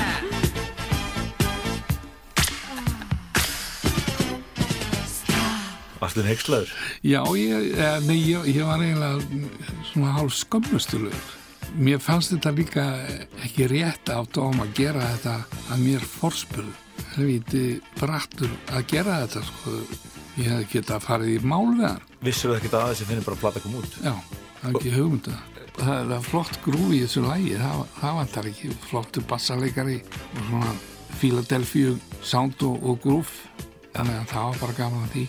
Grace Jones er þekkt fyrir að vera ólíkinda tól og uppátækjasömm í meira lagi og því fekk Þóri Baldursson að kynnast. Hún átti það til sko að- að að rífa treyjuna bara upp svona og flassa brjóstunum smástund og, og skelli læja sko til þess að stríða okkur. Mikið grallari. Eh, Elton John átti þetta líka til, hann, hann var bara ekki með einn brjósta sína sko, þannig að hann kifti bara niður um sig brókin. Hann var að spila bortennis í strákarinn í stúdíónu.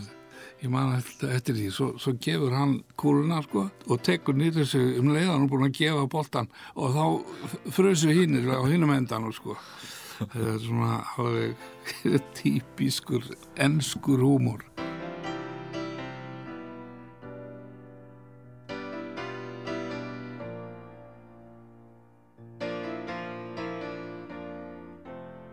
Við erum að fara yfir tónlistaferil Þóris Baldurssonar í tilefni að 60 ára starfsamæli hans og vorið 1979 fekk hann símhringingu frá Pete Bellotti þar sem hann fekk að vita að hann kemur til greina sem útsettjari á næstu plötu enska tónlistamannsins Eltons John.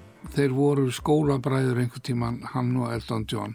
Hann ringdi í mig og hann, hann var ekki ákveðin þegar hann bauð mér ekki djópi strax.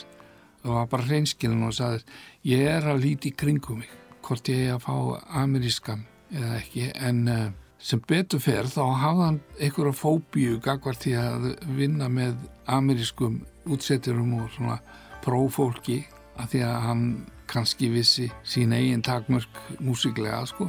Þannig að ég fekk nosið og ég var náttúrulega alveg, fannst ég að heiminn höndum tekið og var opbóðslega gladur.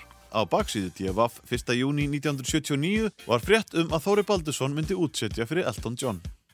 Hann sagði í viðtali við blaðið að þetta geti skipt mjög miklu máli fyrir sig, en vinsla plötunar átti að hefjast í Musicland stúdíóinu í Munhjan í júli. Elton John hafði árið áður gefið plötuna Single Man, þar sem meðal annars var að finna píjónulægið Song for a Guy, en á nýju plötunni hvað við annan tón.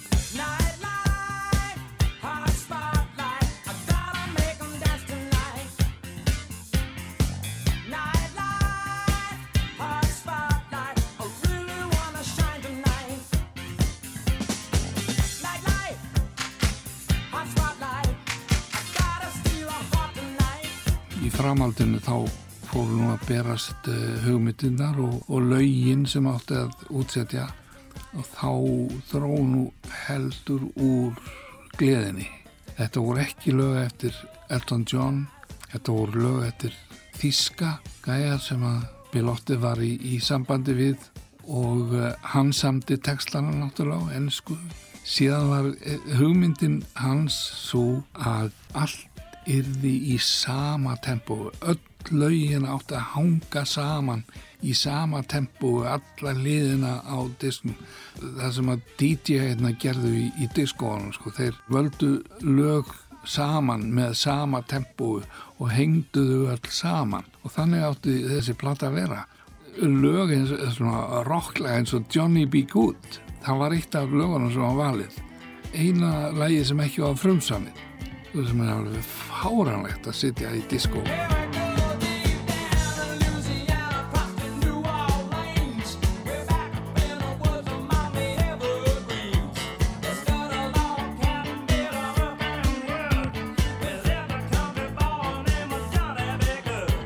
ég leitt mig hafa þetta og þessi plata gerði ekki nýtt það var jú eitthvað titillag blötunar, Victim of Love, það náði svona svolítið áfram.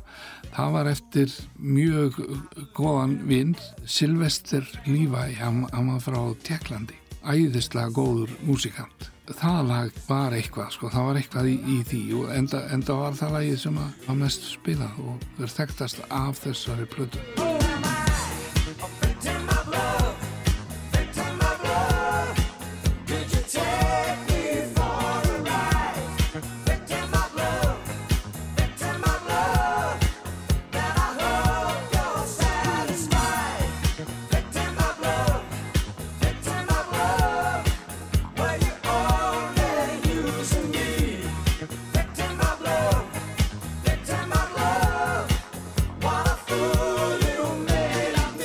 John og titilaða plötunar Victim of Love sem var eina lagið á plötunni sem fekk ekkur útvarspilunar á því.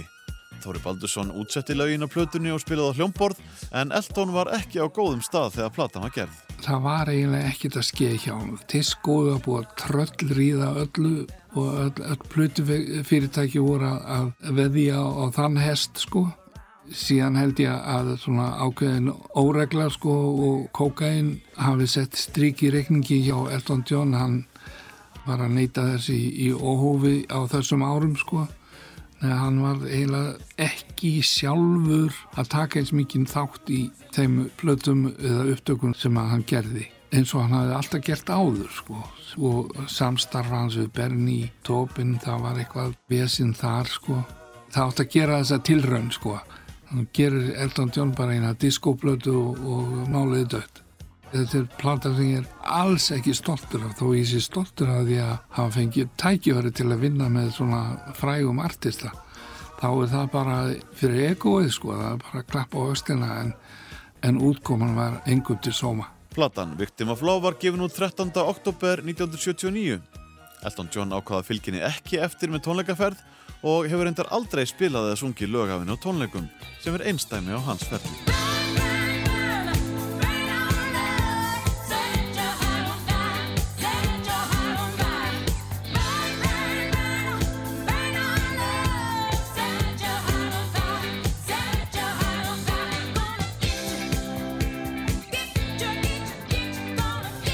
Þórir var kallaður til New York árið 1979 til að útsetja nýjundu plötu bandarísku söng og leikonunar Melbu Múr. Melba hafði byrjað feril sín í söngleikjum og kvikmyndaleik en sendi frá sér sína fyrstu soloplötu 1970. Nýja árum síðar hóðust upptökur á nýjundu hljóðusplötu hennar Burn í rekordplant hljóðurnu í New York. Pete Bellotti var upptökustjóri og Þórir fekk það hlutverk að útvega hljóðfarleikara í upptökurnar. Það lág beinast við að hafa samband við Jimmy Young Þann sama og spilaði á tveimur plötum Rúnars Júliussonar þremur árum fyrr. og ég hafði sambandið Jimmy Young og hann útvegaði hinna hljófaralegarana Einn af þessum hljóðfæraleikurum var hinn tvítugi bassaleikari Markus Miller. Markus Miller er heimsnafn í bassaleik. Sko, Kottnungur var hann farin að spila með Miles Davis. Ég man hvað þessi strákur var rosalega flottur músikant. Og ekkert bara bassan, hann gæti- líka að spila á píano og hann var með svona þessa þekkingu sem ég öfundaði hann af sko, hljóma þekkingu sem alveg rosalega flott. Mörgum, mörgum árum setna þá, eða þar að segja frá 87 til haustsins 90 þá bjó ég í, í White Plains sem er fyrir norðan Manhattan. Og uh, Marcus Miller hann bjó líka í White Plains stúdíó sem var þar, alveg príðið stúdíó við hittum þar stundum og það, það voru uh, bara góður endurfundir.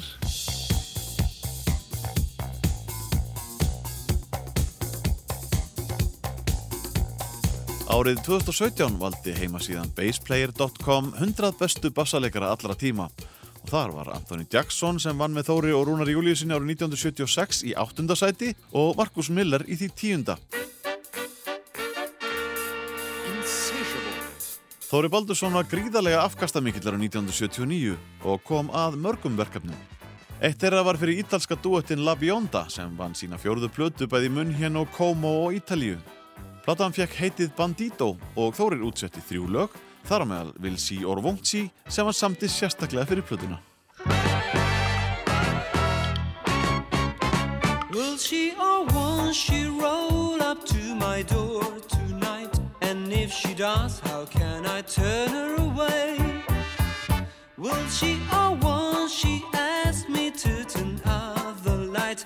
And if she does, I know she's meaning to stay.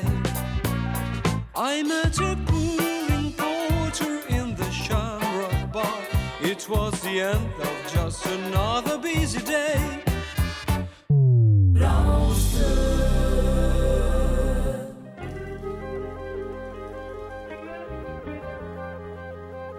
Undir lok áttunda áratugurins tókust kynni með Þóri og enska tónlistamannum Russell Stone en Þórir hafði reynda spilað undir hjá honum í sænska sjónvastættinum Gröna Nöyet árið 1972. Russell starrækti duettin R&J Stone með konu sinni Joan Stone og þau fluttu smöllin We Do It sem komst alla leið í fymta sæti breska vinstadalistans árið 1976.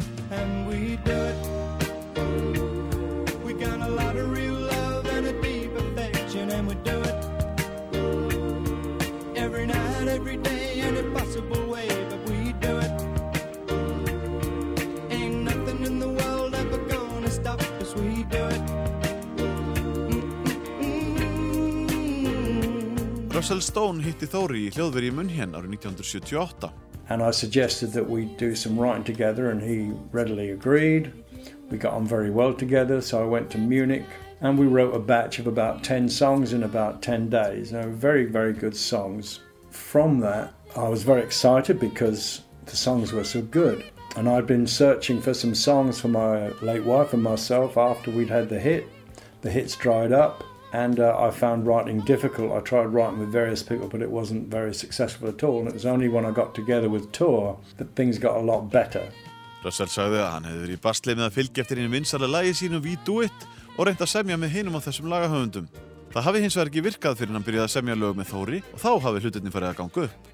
Og Russell bókstallega elskaði að vinna með honum. and I loved the work with him because of his groove, his R&B-ness, which is amazing considering he's from Iceland. And I did ask him about that. I said, "How come you're so good at this? You've got such a groove thing." And he said, "Well, he grew up listening to American Forces Radio Network, and of course, a lot of black acts." Coming through that, and that's how he connected with it. But the groove will call, and it certainly called Toria, and he's a beautiful, beautiful player. Russell ætlaði að nota lögin fyrir duett með konu sinni Joanne en árið 1979 glimt hún við mjög erfið veikindi, hún greindist með heilaæksli sem varð hennar bana megin sama ár og því miður hafi Russell ekki verið í ástandi til að syngja lögin. Sum þeirra rötuðu þá á plötur með öðrum listamönnum. If I say happy day, it's the wrong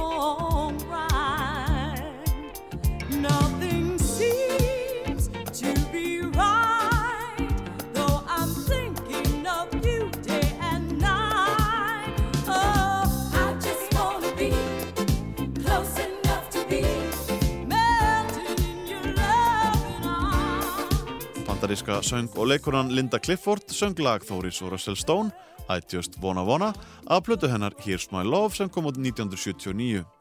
Plötu fyrirtæki Curtis Mayfield hefði tekið hann upp á arma sína 1973 og Curtis var sjálfur einn af upptökustjórunum á plötunni. Þórir útsetti nokkuð lög fyrir plötuna en árið 2012 rataði lagið I Just Wanna Wanna í kvikmyndina The Paperboy sem skartaði stórleikurunum Matthew McConaughey, Nicole Kidman, John Cusack og Zac Efron í aðalhuturkum. Annar tónlistamæður sem söng lag eftir Þóri Baldursson og Russell Stone inn á plötu var Leroy Gomez sem gaf út plötuna I Got It Bad árið 1979 hjá Casablanca Records. Þóri Baldursson stjórnaði bæði hljómsveitinni í hljóðverinu og útsetti lögin á plötunni og þar var meðal annars að finna lagið Give Me The Simple Truth.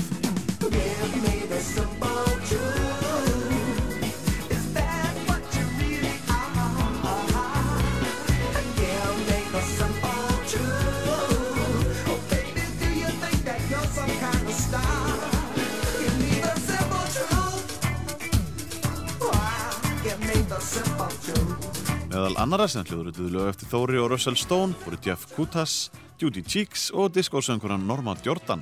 Hún sendi frá sér soloplötuna Feel Me 1979 og þar var Þórir í stóru hlutverki að stjórnaði upptökum og útsetti öll lögin á plötunni og samti auk þess átta af nýju lögum plötunar. Þrjú þeirra voru eftir hann og Russell Stone.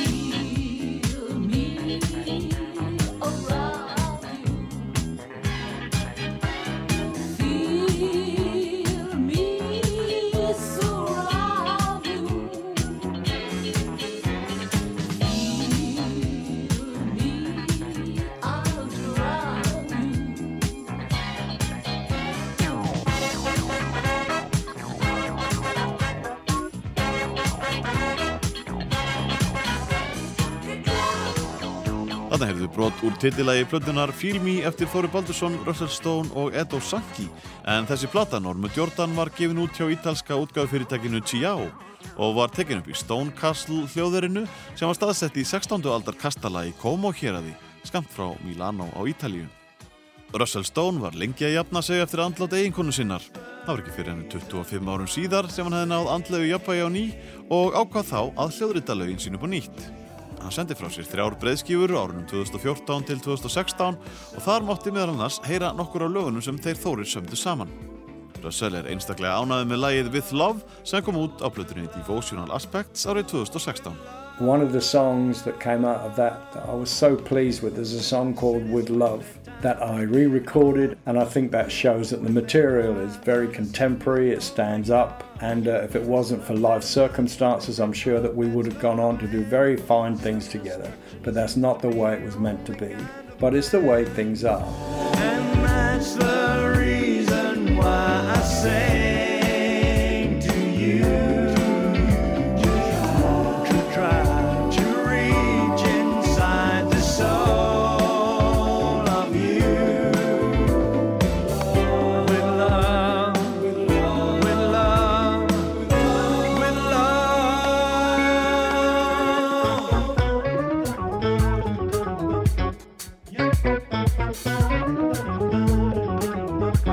Russell Stone er ánægður og þakklátur fyrir samstarf þeirra Þóris Baldurssonar.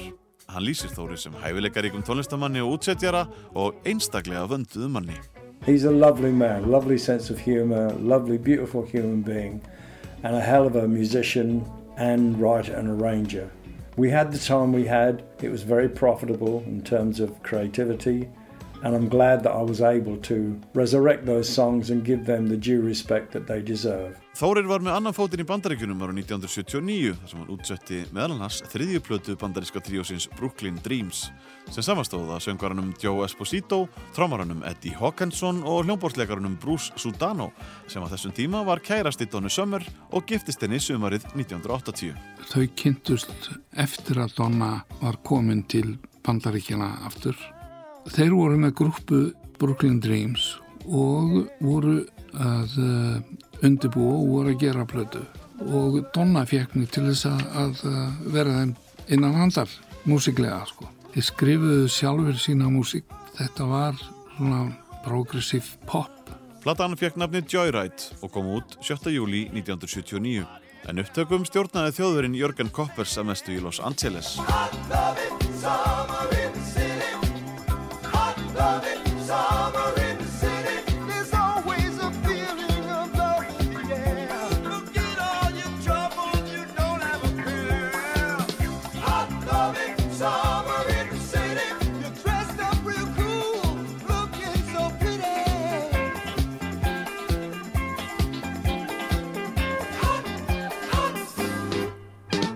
Haustið 1979 stjórnuðu áðurnæmdur Jörgen Koppers og Donna Summer upptökum hjá ennsku fyrirsættinni Twiggy í Rösk hljóðverinu í Los Angeles. Twiggy hafði búið í London stærsta hluta 8. áratugurins en var nýflutt til LA. Þar kynntist hún kæristu parinu Donna Summer og Bruce Sudano og þau vildu endilega gera með henni diskoplötu en hún hafði áður sett frá sér tvær country skotnar popplötur í Breitlandi.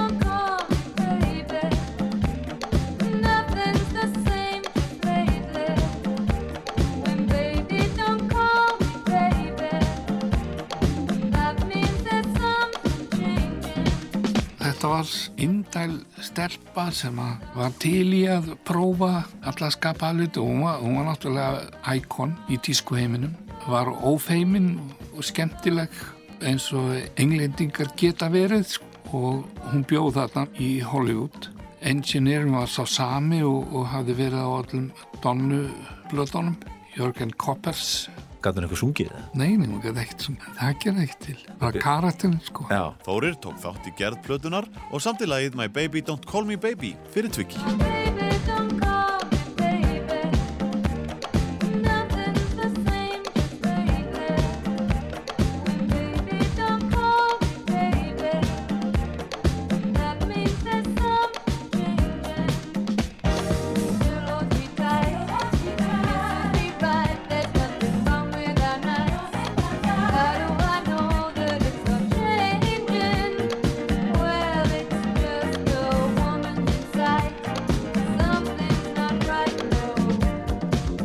Einhver hluta vegna kom þessi plata fyrirsættunar góðsagnakendu Twiggy ekki út fyrir 28 árum síðar undir nafninu Heaven in My Eyes Discotheque.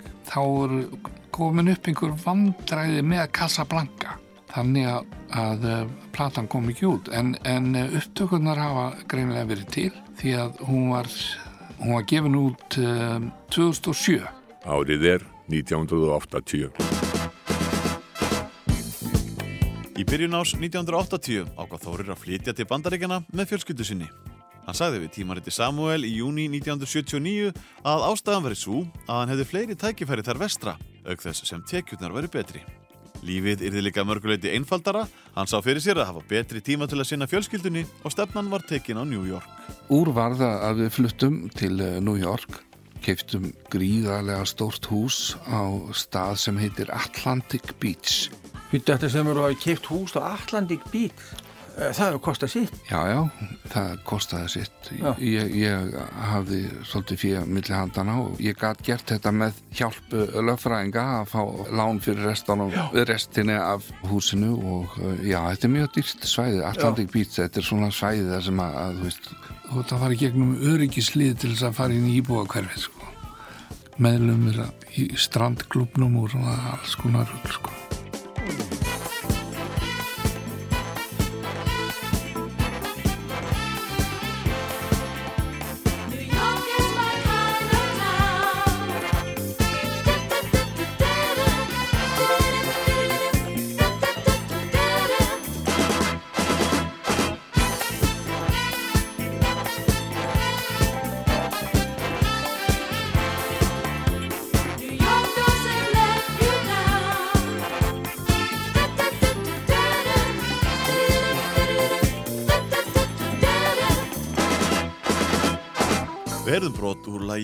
Texta Þóris Baldurssonar New York is my kind of town í flutningi Metropolis frá árunum 1978. Sænsk eiginkona Þóris, Nina Diesel, var ekki alls kostar sammála Þóri um flutningin til New York. Hún átti sinn feril sem söngkona í Þískalandi og fjölskyldan hafði komið sér vel fyrir í munn hér þar sem hún vildi búa áfram. I preferred actually, I wanted to stay in Germany. So I really didn't want to move to the USA. It was a very hard time actually. But um, I wanted to keep the family together, so I followed Thori to uh, New York. Árið er 1982.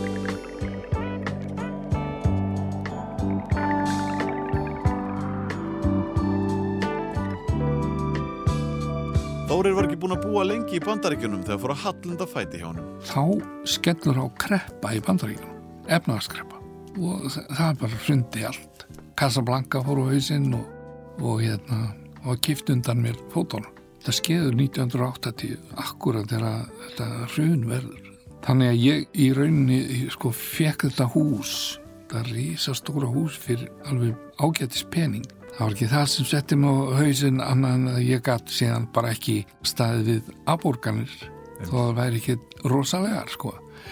Eh, Þegar ég kom að það nokkurum árum síðar þá var þetta hús sem að ég keipti á 115.000 dollara selt á 600.000 dollara bara nokkurum árum síðar sko. Í kjölfar hrunsins voru fjölmörg verkefni blásin af og skyndilega blasti við að Þórir hafði lítið sem ekkert að gera í bransanum Vestanhafs. Það voru einhver verkefni þarna í Los Angeles, ég man að ég fór í eitt af þeim og svona til þess að gefa hugmyndum, ég var þar í viku að vinna einu, það er 10.000 dólarar fyrir vikuna sem er bara nokkuð gott sko.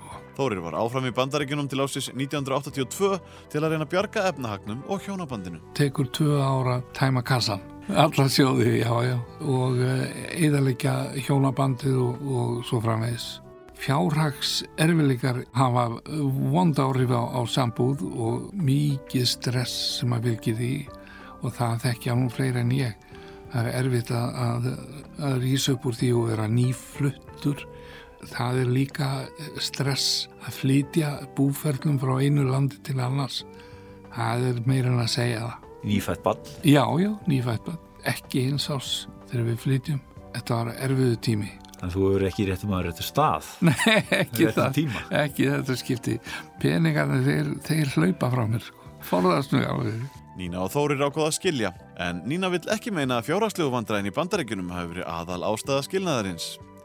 Erfiðleikar í hjónabandinu hefðu byrjað áður en þau fluttu til bandaríkjana. Already earlier, our marriage had started a little bit already in Munich, not to work out so good. We maybe developed in different ways, so to say. And um, I wanted to repair as much as I could, so I followed him with our children to New York, to Long Island. And um, as I said, for, for nearly two years, uh, I stayed there. Eftir tvö ár í New York flutti Nína heim til Svíþjóðar með börnin tvö. A divorce is always hard, but Yeah. we parted as friends and we still respect each other. We are very, very good fr- friends nowadays. I know his family on Iceland and, and his children and grandchildren, and they are just beautiful, all of them, and, and his wife as well. So we are actually like a big family nowadays. Nína Lísel segir að þau Þórir séu enn í dag mjög góðir vinir og hún heldur góðu sambandi við hann og fjölskyldu hans. Tónlistaferill Nínu hjælt áfram eftir hún flutti til Svíþjóðar og árið 2017 fagnaði hún 50 ára tónlistaramæli sínu. I celebrate my 50 years in show business as a singer and an artist. 50 years, you know, it's quite a time. And um, it's wonderful when I think back of all these years. And um, I'm very, very thankful.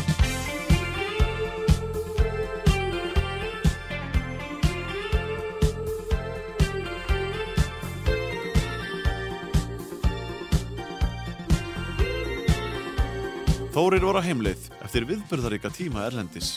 Það sem í fyrstu átti hans að vera mánaðalöng dvöl í Helsinki í byrjun ás 1970 varð að samfleytt 12 ára langri útrás tónlistamannsins Þóris Baldurssonar.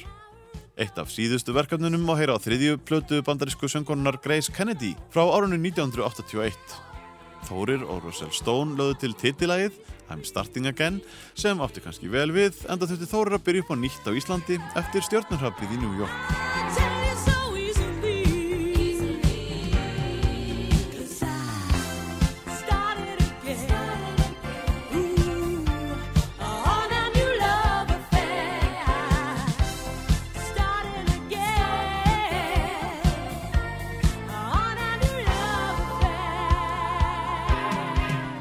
Eftir að Þórir flutti heim voru 1982 fór hún að vinna með Rúna Júl og Maríu sýstu sinni hjá Gamesteins útgáfunni og einnig í samnefndri hljómsveit sem var að undirbúa tónleikaferð sumari 1982.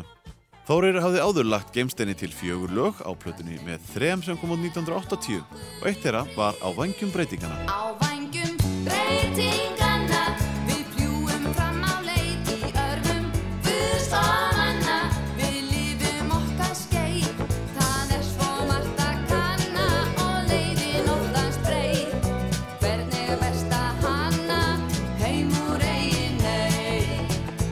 eiginlega ekkert fyrir maður að gera en að koma heim um stundarsakir sem ég gerði og naut þar aðstóðar máks míns, Rúnars. Maja og Rúnar voru náttúrulega með hljómsveitina Geimstein og þetta sumar 82 lág fyrir að þau ölluðu í túr með eh, Þórskaparett. Þetta var síning úr Þórskaffi gamla. Það var fríður flokkur sem lagði að Reykjavík 25. júni 1982 til að halda sína fyrstu skemmtun í Nesköpstað en alls var farið á 25 staði út um allt land. Flokkurinn samastóð á skemmtikröftunum Jörundi Guðmundsinni, Latta og Júliusi Brjánsinni, hljómsveitinni Geimsteini og þremur dönsurum úr íslenska dansflokknum, þeim Köru Hallgrímsdóttur og sýstrunum Ingibjörgu og Guðrúnu Pálsdóttur. Og þetta ferðalag átti eftir að verða örlagaríkt fyrir Þóri. Á þessu ferðalagi þá kynntumst við Guðrún og við fórum að sitja hlið við hlið í rútunni á ferð okkar á landið og feldum hugið saman. Það var til þess að ég festi hérna rætur enda vildi ég vera hérna. Hér leið mér vel, hérna fann ég að ég átti heima. Það var léttir. Ég hefði ekki meika að vera áfram. Það er ekki gaman að vera blankur í, í Ameríku. Sjálfströsti hefur kannski verið svona beðið snekki þegar þú komst tilbaka. Já, ég gerði mér nú ekki alveg grein fyrir því hvað egoð hafði laskast mikið sko. En um, auðvitað eh, kemur fram í ymsum þáttum sko í, í farimanns sjálfs. Þetta er mikið álag á hvert sem er að fara í gegnum svona ferli, það er sko alveg pottjött. Þórir og Guðrún Pálsdóttir hófu sambúð ári síðar en hann held áfram að vinna hjá útgáfu fyrirtækinu Geimsteini sem sendi frá sér fjölmarkar plötur á næstu árum. Árið 1982 kom út þriðja plata áhafnarinnar á halastjörnunni sem fekk nafnið úr kuldanum. En áhafnin var stopnuð 1980 í kringum lagasmíðar Gilva Ægissonar. Áhafnin á halastjörnunni kom aldrei fram á tónleikum sem hljómsveit en ímsir voru kallaði til sem gestarsöngvarar og einn af þeim var Hemmi Gunn sem söng lagið út á gólfið. Svona út á gólfið, ekki stress, já út á gólfið verður res, já nú er komið tími til að dansa. Já það var lagið líf og fjör, nú loksins gatt ég ít úr vör og ætla ekki að stoppa í allan og Árið er 1983.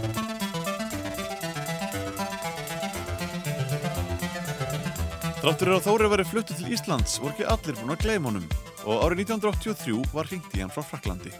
83 þá ringdi ég mig maður frá París listamanns eh, nafni Serrone og eh, byggðum um að koma út og hjálpa sér með nokkuð lög sem hann var að gefa út. Og ég, ég fór til Parísar útsetti eitthvað og, og, og samdi eitthvað með honum Serrone, lag sem að við köllum The Freak Connection vegna þess að þá var kvikmynd mjög vinsæl sem heit The French Connection Þórir samti lagið Freak Connection með Serrone og það kom út á sjöttómum plötu árið 1983. Serrone sló fyrst í gegn 1977 á annari plötu sinni með laginu Super Connection og hann var afkastamikill tónlistamæður. Árið 1983 var hann búinn að gefa út nýju breyðskjúr og hann hefur selt 30 miljón plötur til dagsins í dag. Það er bara gaman að rifja þetta upp að því að þetta var 83 þegar ég var eiginlega komin heim sko. En þetta var svona braut upp það og, og var ágætt fyrir egoð líka sko að, að fá svona uppringingu. Þetta var bara svona diskoverkefni eitthvað. Didn't I treat you right now, baby? Didn't I? Didn't I do the best I could now? Didn't I? Gave you all the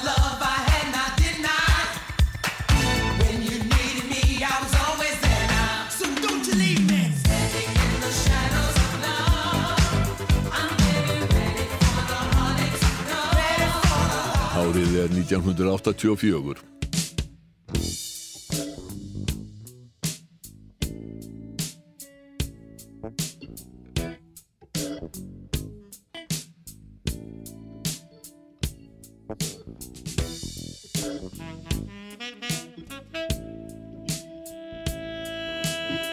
Útgáðu fyrirtæki Gamestein gáð fyrstu plötu jazz hljómsveitarinnar Gamma árið 1984. Sveitin var skipuð þeim Bitni Tórótsen, Stengrími Sigursinni, Stefáni S. Stefánsinni, Skúlasverri sinni og Þóri Baldursinni sem þráttur er að vera orðin færtugur hafði aldrei spilað jazz eins og hann sagði Buppa Mortens í útastættinum færibandinu á Rás 2. Eiginlega hef ég sko aldrei spilað jazz fyrir en ég kom aftur heim til Íslands. Það var ekki fyrir en að hérna Björn Tórótsen ringdi í mig, þá var ég uh, nýkomin heim. Ég, sannlega, þetta hefur verið svona um 83, þá voru gamanir. Þá byrjaði ég sko fyrir alveg að spila Og hvað að gerðist þegar þú fóst að spila? Hvernig svona upplifun var þetta? Já, það, það var náttúrulega bara auðvitað, svakalega gaman að spila með, með þessum strákum, þetta voru flinkir músikanda. Ég var bara að taka mér tak. Opnaðist nýr heimur, Hammond heimur fyrir þig þegar þú... Algjörlega.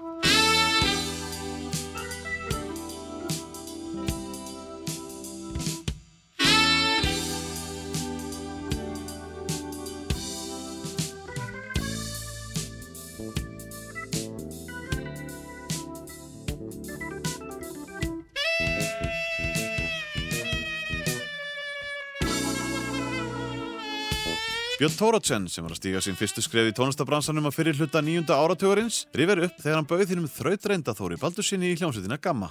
Ég hitti Þóri Baldursson fyrst að ég held 1983.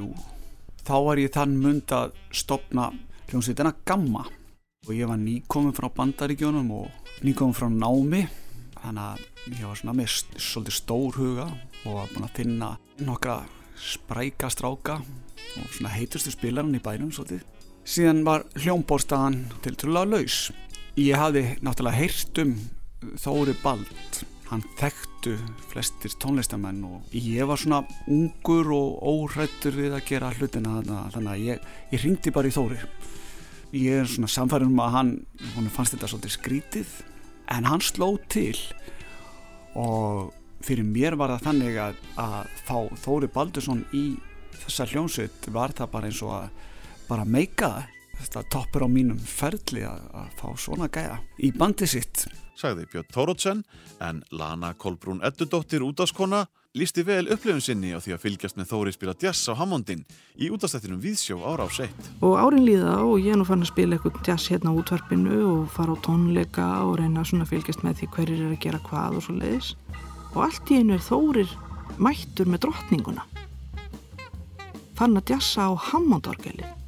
Og þá bara gerðist eitthvað. Þess, það bara opnaðist fullkonlega ný vít í íslenskum jazzheimi að mista kosti í mínum augum. Sko Tóti er æðislegu músikant og það er alveg sama hvað hann spilar á. Hann getur sko grúað á nikku þess vegna og er góður í því. En það er eitthvað sem gerist þarna við Hammondin það er alltaf þessi gleði og það er hann, hann er einn af þessum sem bara opnast allur og verður eitt ljósað innan þegar hann er að spila við spilar, spilar og gleymir sér alveg og grúar og grúar en á Hammondinum er það ekki bara veist, hljómborðið heldur það er sko fótbassin og ef einhver grúvar í þessari veröld þá er það Þóri Baldursson. Og það er vinstri fóturinn skilur þau vinstri fóturinn á fótbassan. Ég valdi að skilja hvernig þetta er hægt veist, en hann þyrst ekki trommusett því hann grúvar svo rosalega. Þannig að triksið í dag sko, þegar maður er að fylgjast með tóta spila og fara á tónleika og maður, ég reyna að missa bara aldrei af því ef ég get það er að setjast á réttan stað í salnum. Þannig að ég sjá í vinstri fótinn á vélstjóranum. Það er þar sem allt gerist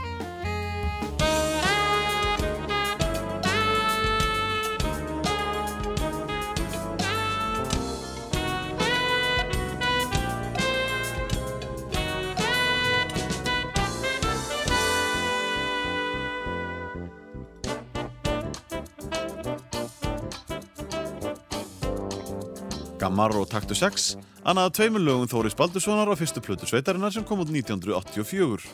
Önnur plata Gamma kom út ári síðar, en þriðja platan af Níðafjöllum kom út 1992. Björn Tórótsen sendi frá sér plötuna Plus árið 1986 ásamt hljómsveit sinni Kvartett Björns Tórótsen og þar var Þóri líka innan bors ásamt í að stjórna upptökum með Byrni og útgjöndunum Rúnari Júliusinni. Þórir átti líka tvö lög á plötunni og þar af uppafslægið Fangið í bænum sem Þórir og Björn sömdu í saminningu.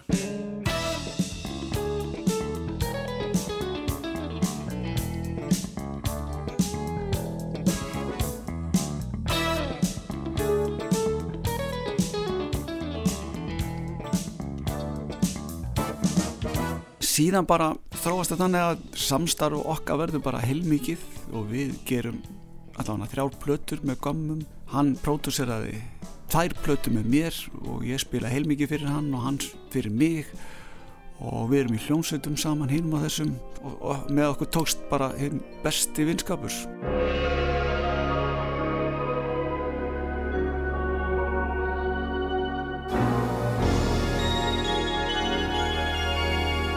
fyrsta sinn í sögu vinsallalistar ásar 2 stökk Íslensk lag beint í fyrsta sæti þegar lagið Hjálpum þeim í flutningi Íslensku hjálparsveitarinnar kom út í lokás 1985.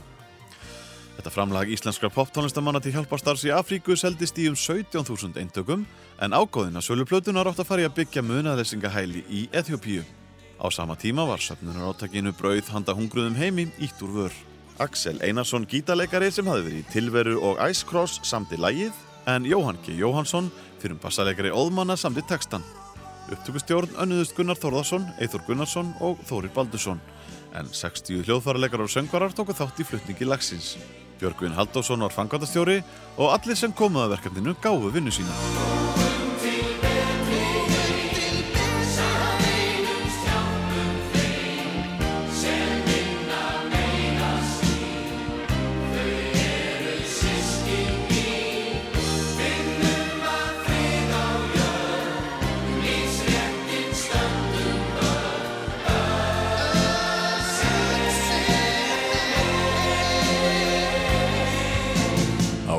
1986.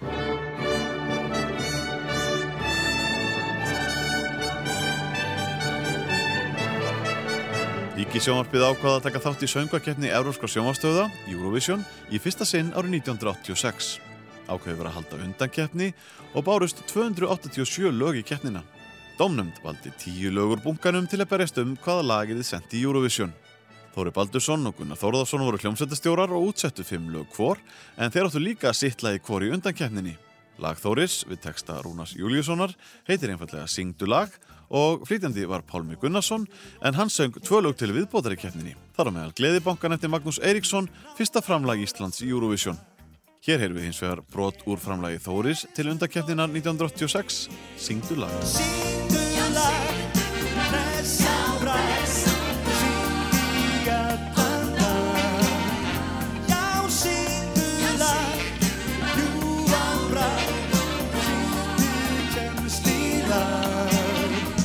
Þóri Baldursson og Rúnar Georgsson gerðu plötuna til eru fræ árið 1986 og upptökur fóru fram í upptökaheimili Gamestein sem haustið. Rúnar Georgsson leikur á saxofónu og þverflautu en Þóri Baldursson á öll önnur hljóðfæri, svo sem piano, bassa, trommur og hljóðgerla. Þórir útsetti líka öll lögin og annaðis hljóðblöndun, auk þess sem hann stjórnaði upptökum á samt Rúnar Júliusinni. Á plötunni er aðalega að finna síkild íslensk dægulög í ósungnum útsetningum en Þórir átti tvö ný lög á plötunni og annað þeirra hafði hann sendt í samkeppni Reykjavíkuborgar um lag í tilefni 200 ára ammælis höfuborgarinnar. Lag Þóris, Bærin minn, lendi þar í þriðja sæti.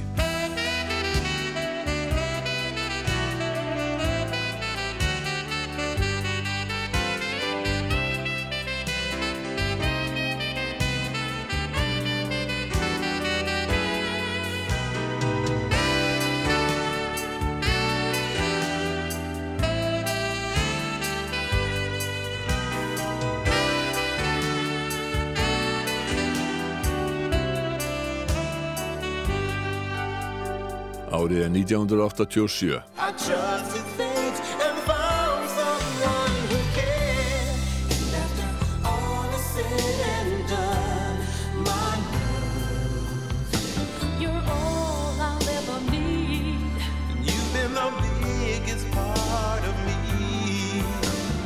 Sumarið 1987 bauðist Þóri Baldusinni að flytjast aftur til New York. Einn af þessum gæðin sem kom að Melbumúr-projektinu Lionel Diop, hann var pródúser sem var með hína á þessa artista á sínum snærum og uh, hann ringdi í mig, hafði upp á mér og, og uh, spurði hvort ég var ekki til í að koma til New York og vinna svolítið með sér. Og ég var náttúrulega til í það. Sá þarna annað tækifæri, sko og fór til uh, Lionel til að vinna fyrir hann og með þeim grúpum sem hann var með. Það var allt saman uh, þeldögt fólk. Rhythm and blues músík, ekki disco, sko, heldur, heldur bara R&B. Kanski þekktasta nafnið sem að Lionel var með á sínu snærum grúpar sem að kallaði sig Starpoint. Þórir spilaði á hljómborð á Sensational, plötuð bandarísku R&B hljómsættirina Starpoint sem kom út 1987. Árið síðar kom út platan Hot to the Touch með Starpoint og þar átti Þórir lægið After All is Said and Done sem við heyrðum brot úr áðan. Aðri listamenn sem Þórir vann með í bandarækjunum undir lok nýjunda áratugurins og í upphæðu þess tíunda voru meðal annars Keith Sweat, Shades of Lace og saxofónleikarin Walter Beasley. Árið 1990 kom svo svanasöngur Starpoint sveitarinnar út, Have You Got What It Takes og þar átti Þórir þrjú lög en meðal þeirra var I Don't Need Another Lover.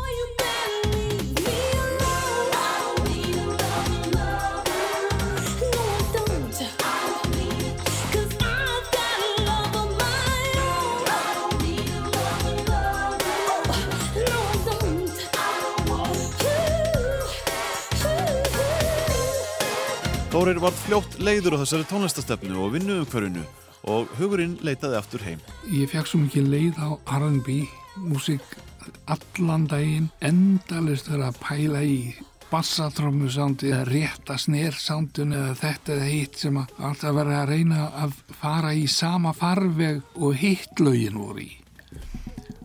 Þetta var alveg hrikalega leiðanlegt. Frá 87, einhvern tíman sumar held ég að farið út, til haustins 1990 þá kom ég heim, alkominn og byrjaði að kenna við FIH tónlistaskólan. Árið er 1990. Allein grét hún við öskustóna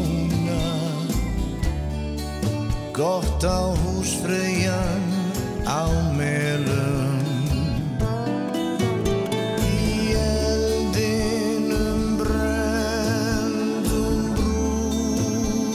skóna Sumir gera allt í felum Þóri Baldursson flutti að nýju til landsins haustið 1990. Saknaði fjölskyldu sinna sem varð eftir á Íslandi þegar hann flutti út og dóttir hans, Sóley, sem hann átti með Guðrúnu, var orðin 6 ára þegar hann flutti heim. Þórir á Björgunni Haldósinni mikið að þakka því hann hjálpaði honum að koma sér fyrir að nýju í íslenska tónlistabransanum. Bjöggi með þess að ringdi í mig til White Plains. Hann sagði sko að uh, hann væri með fullt af jobbum og hann myndi sjá mér fyrir nóg að gera og hann stóð við það algjörlega. Við gerðum mikið saman við Björgvin Þannig að hann hafði eitthvað svona stóra þátt ásamt rúnari að koma þær inn í bransana nýju. alveg öruglega sko og það er bara staðrend það er ekkert auðvelt að sko ef maður fer í burtu og er komin út af kortinu að koma aftur þú byrjar ekki það sem þú skildir slóðan eftir þú byrjar ekki þar, þú voru að byrja alveg frá byrjun aftur, næstu því. Þetta tók svolítið tíma sko en ég er Björgvin mjög þakkláttur fyrir það sem hann færði mér Sko, Þóri Baldurs er svo mikill snetningur. Hann er svo ósalega uh, mikill músikant, sko. Flottur útsetjari og svona. Þegar að ég uh, hef samband við hann, að því hann var búin að vera úti svo lengi, ég sagði, þegar þú kemur, þá verðum við að vinna saman. Og svo kom hann og við erum búin að vera í raun og veru að vinna mikið saman síðan, sko. En ég sótti alltaf í mína svona aðeins eldri menn, sko. Reynd að velja, sko, betri menn en mig, sko, sem kunna meir en ég, sko eins og ég segi stundum sko, þó spilir aðeins á gítarinn þá tekur ekki öll sólóin, sko, þú færð menn í það og Þóri er náttúrulega búin að vinna með mér allan annan tíma og er búin að ég meina, ég hef ekki geta verið ennþá að þessu nema hans vegna sko, hann er búin að hjálpa mér mikið og ég er vonandi búin að gefa honum eitthvað Sagði Björgvin Halldórsson sem stóð við stóru orðin. Þóri Baldursson hefur verið nánasti samstarfsmæði Björgvins frá því hann flutti alfarið heim haustið 1990. Þórir fór fljótlega að kenna við tónlistaskóla FIH eins og Jónatan Garðarsson rifjaði upp í útastættinum Víðsjá ára ás 1 árið 2011 í þætti sem var tilengaðu Þóri heiðus veluna hafa íslensku tónlistarvelununa sama ár. og svo gerst hann kennar í FIH 1990 og þá hefst alveg nýr kapli hans æfi. Á þeim tíma er að mér að menna að kenna, stúdira, lesa, skrifa kennslubók í þessu, kenna upptöku tækni svona á einfaldan hátt og nota samplingræður og það allt saman og hann er virtu kennari. Og allt sem hann tekur sér fyrir hendur hann fer alveg að kafi það og læri það alveg út í ist og æsar. Á mjög auðvöld með að miðla því. Og ég held að sákabli verið þá sem á eftir að standa lengst. Þar að segja arfleð hans verður svo allt sem hann kunni er að búin að kenna. Og það er mjög mikilvægt. Árið er 1992. Mentamánaráðunitið hafði í samstarfi við sveitafélögum land allt haldið svo kallaða MH-tíð um nokkur ára skeið. Hún var fyrst haldið 1986 á Akureyri og árið 1992 var komið að Suðunessjum. Hápunktur hátíðarinnar voru tónleikar í Keflavík um haustið. Fljótlega kviknaði svo hugmynd að samina symfóníu hljómsveit og rock hljómsveit í uppsetningu árumlega 20 ára gamlu tónverki Trúbrots Livun. Þóri Baldursson var fengið til að útsetja verkið en Þórir og Rúnar Júliusson höfðu lengi ætlað að vinna meira með þessa mögnuðu plötu. Ég var reynda búin að vera með lifun lengi, alveg frá því að þeir gerðu þetta. Ég var lengi með multitrack upptökuna. Það var á áttatrakka teipi og uh, ég var búin að flytja það yfir á 16 rásir og það áttir stóð alltaf til hjá okkur Rúna að gera eitthvað meira, sko, setja eitthvað meira á þetta, strengi eða eitthvað önnur lögfæri. Það varð hins vegar aldrei úr því. En uh, þetta ár, sem sagt 92, þá skrifaði ég þessa útsetningu og um hustið var þetta síðan flutt. Lífið endur tekur sig í sífellu. En hvar hefst það? Hvar endar það? Djúft í undirvitundinni örlar kannski á skilningi. Því innan misturs vitundarinnar telur þú þig hafa svar á reyðum höndum. Trúin á dauðan er stundum sterkari en trúin á lífið. Ef trú þín væri meiri á lífið, hvað gæti það þá gert fyrir þig? Þetta var svolítið langt, sko, og alls ekkit innfallt. þá voru tölvöld mikið um svona taktbreytingar og já, svolítið snúið að koma þeir saman. Uh, ég fór uh, með uh, sambíliskonu minni þá, henni Guðrunu. Við áttum þá orðið tvær dætur og uh, nýfætt dóttir okkar Sunna Margrét. Við fórum með hana bara nokkra vikna eða mánaða gamla í sumabústaði í Munaðanissi þar sem ég hafði frið og til þess að skrifa. Þá þurfti maður að skrifa, voru ekki tölfur þar sem maður gæti útsetta á tölvu og heyrt allt og svona. Það var bara blíjantur og stróklegur voru aðal verkvarið sko og svo náttúrulega eirun. 29. oktober 1992 var lifun sett á svið af Sinfoníuhljómsveit Íslands og Rocksveit í Íþróttahúsinu í Keflavík og daginn eftir var leikurinn endurtekin í Háskóla Bíó í Reykjavík. Það þótti við hæði að flytja verkið á íslensku og Þorsteinn Eggertsson sá um að þýða og endur segja söguna. Rocksveitin samastóða Gunnlaugi Brím, Tryggvað Höfner, Vilhjálmi Guðjónssoni, Eithori Gunnarsinni og Jóni Ólafsinni og fimm söngurum, Björgunni Haldósinni, Sigríði Beinteinsdóttur, Stefáni Hilmarsinni, Daniel Ágústi Haraldsinni og Eyjólu Kristjánsinni. Stjórnandi Sinfoníuljónstörnar var Ed Wells.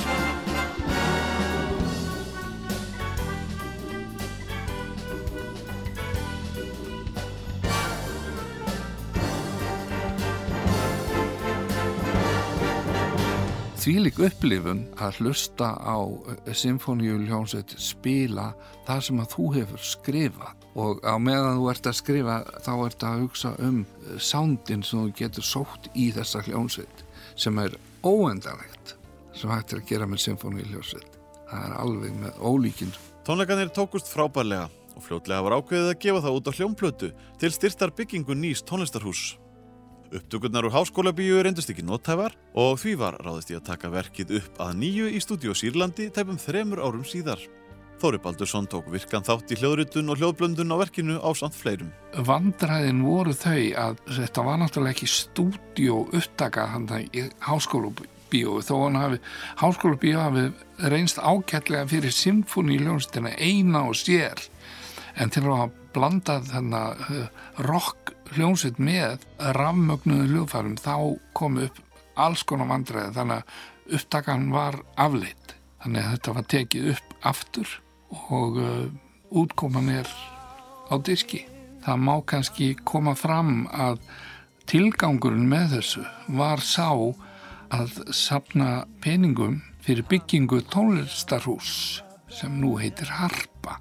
Uh, ég held að hafa nú aldrei orðið þær tekjur á þessum diski að hafi staðið undir þeirri, þeirri risa byggingu en, en hérna þetta var það sem að mótiveraði þennan verknað. Veðruð augu hans þau endur spekla minningar líkt og regn sem fellur niður úr skýjum frá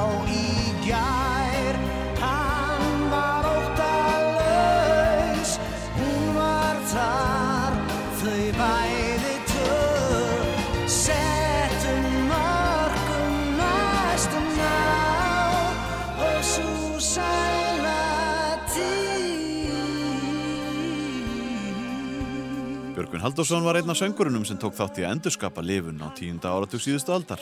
Þórir uh, fóst þetta alveg æðislega vel og, og, þetta var bara æðislega flott hjá hann og þetta var náttúrulega alveg rétt hjá þér, þetta var stórum mál að gera þetta og þetta var náttúrulega þessi platir svo fræg og við, þetta var svona stórvirki maður og það var gaman að taka þátt í þessu og þetta er svona, svona millustinn á ferlinum og þá sérstaklega í honum. Þóri Baldursson kom víða við á tíunda áratugnum. Auk þess að hann dundaði sér við að flytja og framlega tónlist, fjagst hann einnig við kennslu og námsefninsgerð og var formaður félags tónskálda og textahöfunda um nokkur ára skeið. Þá gerði hann sér lítið fyrir og tók enga flugmannspróf, auk þess sem hann helt áfram að dunda sér við ljósmyndun sem hefur lengi verið eitt af hans helstu áhámálum. Árið er 1999.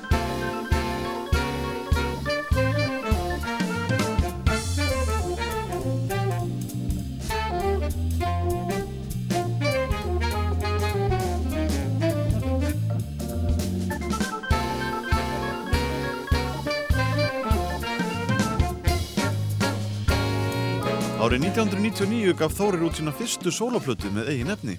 Platan fekk nafnið Hammondmólar og var tilenguð minningu föður hans, Baldus Júliussonar, sem lést 1996.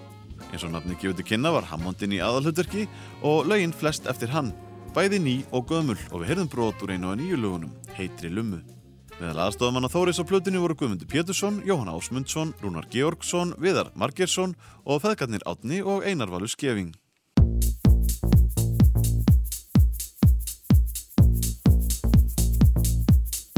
Þegar fjölistahópurinn Guðskus vann að þriðju hljóðurspötu sinni This is Normal voru margir hljóðfarleikara kallaði til í hljóðver Valgis Sigurssonar Gróðurhúsið.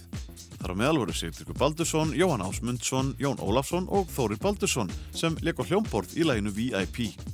Magnús Guðmundsson, einnig þekktu sem Hörb Legovits eða Maggi Lego, rifjar upp. Hann er fenginn af því að við erum bara að gera næstu popflötu og þá vil maður náttúrulega fá eitthvað sérfræðinga í húsið til þess að sjá hvernig þetta er gert, almennilega. En já, hjá Þóri tókst mjög vel til. Hann var aðna í klukkutíma, einn og halvan tíma og þá var þetta komið. Það bara útsettjarinn bara var mættur á, hljómborðið og bara hann fyllti einhvern veginn inn í og, og, og þá var þetta komið. Það var aðeinslegt. Magnús fylgdist vel með afreguð Þóris í útlöndum á 8. áratögnum og leitt mjög upp til hans þegar hann var að alast upp. Þetta er hetja í mínum hugum, bara í gegnum blaðsíðu Samuels og náttúrulega því að Samanartríóðu voru uppáhalds hljómsveitinni þegar ég var þeirrikjara. Ég var að lasa um öll æfintýri, það var bara eins og tinni fyrir mér sko, það var Þóri Baldursson í útlöndum. Síðan alltaf eftir að maður byrjar að ferðast og svona, þá var maður að kaupa upp ólíklegustu blöður það sem að nafnið hans er á og, og þetta er alveg rosalega mikið, hann hefur bara verið endalega stað.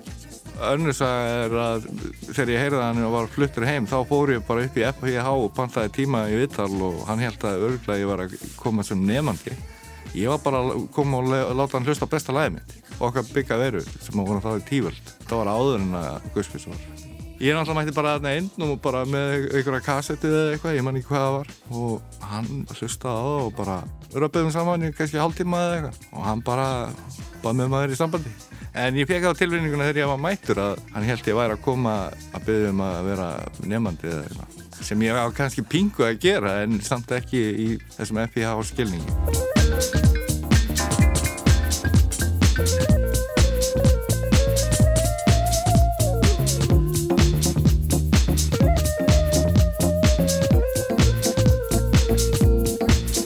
Baldursson spilaði hér á hljómborð með Guðskus í læginu VIP af plötunni This is Normal frá árunnu 1999. Guðskus átt eftir að kalla aftur á Þóri síðar en hann spilaði inn á nokkur remix sem flokkurinn sendi frá sér á næstu árum. Árið er 2004.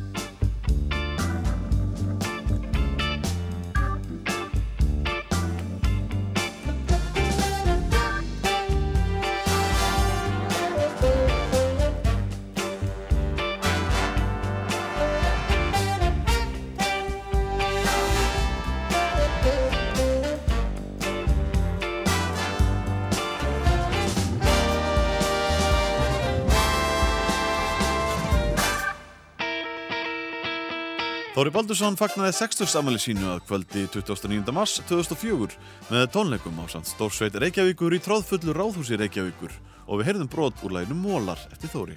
Sérstakir gestir á tónleikunum voru hljómsveitir Hljómar sem var skipuð þeim Gunnari Þórðarsinni, Rúnari Júliusinni, Engilbert Jensen og Ellingi Bjössinni. Auk þess komu félagar Þóris úr Savana-tríóinu, Dróðis Bentsen og Björn G. Björnsson við sögu á tónleikunum að óglemdum Björgunni Haldósinni og Andriu Gilvardóttur. Í kjálfarið var svo gefin út tvöfaldur geisladiskur í tilefni 60 ára Amalís Þóris. Á fyrir diskinum var að finna upptökur frá tónleikunum í Ráðhúsinu en á þeim setni brotaði besta frá lagahöfundinum Þóri Baldursinni. Vernharður Linnett fjallaði um tónleikana í morgumblæðinu 31. mars og þar sagðan meðal annars að tónleikanir hefðu gefið góða mynd af listamanninum Þóri Baldursinni og verið einstaklega skemmtilegir á það hlýða. Hann var sérstaklega ánæðið með kynningar Þóris myndli laga og sagði að það væri mikil miskilningur á Þóri að hann væri ekki maður orðsins hann væri vissulega fyrst og fremst maður tónana. Hann vonaðist líka til þess að Þórir fengi fleiri tækifæri til að skrifa fyrir stórsveitir. Það kynna hann svo sannarlega. Rúmum tíu árum síðar endur tók Þórir svo leikinn með stórsveitinni í tilefni að sjötugsamæli sínu í tónlistar- og ráðstefnuhúsinu Hörpu. Þá voru gestasöngvarar Böppi Mortens, Björgvin Haldursson, Ragnar Bjarnason og Sunna, dóttir Þóris, sem söng meðal annars leið Leindarmál sem Þórir samdi fyrir hljónstina Dáta á sjönda áratugnum. Hér heyrðum við hins vegar Andru Gilvadóttur syngja brot úr sama lagi á 60. amalistónleikunum árið 2004.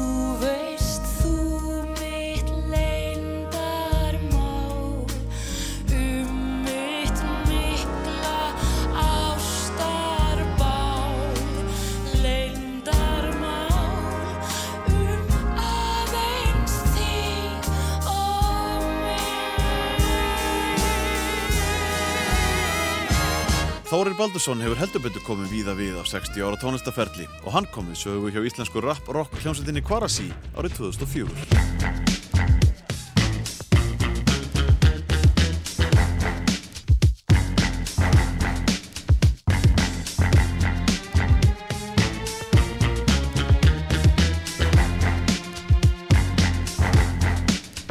Sumarið 2004, þegar Karasi-platan Gorilla Disco var í vinslu, ringdi hljómsveitastjórin Sölvi Blöndal í Þóri og baði hann um að gera strengja útsetningu fyrir lagi Pro. Þetta var bara einhver hugdætt hjá mér held ég að ég langaði til að hafa strengi og ég hugsaði heru, hvernig maður að fá Þóri Baldursson til þess að vinna með Kvarasi á þessari plötu og þannig að ég sá mér einhvern veginn leika borði að fá hann að borðinu og ringdi í hann og hann tók bara svakalega vel í þetta og bara mætti stúdíóið og, og, og ég leði hann um að heyra og hann var rosa hrifinn og, og úr var allavega eitt frábært lag sem heitir Pro sem kom út á plötunni sem hefur verið frekar vinsalt Kvarasilag hugmyndin með þessu lagi var alltaf að gera disco, retro með þessu þunga bassa kvaras í samdi en blanda þessu svona glimmer strengjum við svona framan að vissum við ekki alveg hvert þetta lag var að fara. En ég man hvernig þetta gerðist hvernig við hvernig áttum okkur á því að lagi væri brilljant kaplinn sem ég ánæst með í dag þegar droppið kemur hjá Tiny eftir fyrsta viðla tökum við taktin út og það eru bara strengir og Tiny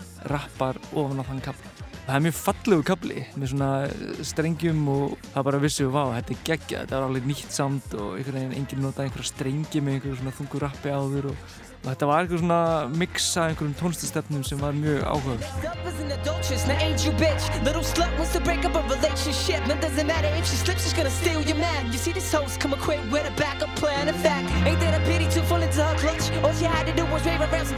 Sölvi, hann leitaði til mín og með mig að skrifa ákveðið tema sem hann var með.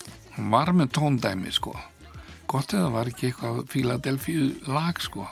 En e, það var nú ekkert flóknar en það, ég bara skrifaði það upp og setti þetta einhvern veginn í þannig form að þetta passaði inn í, það sem þeir voru að búa til.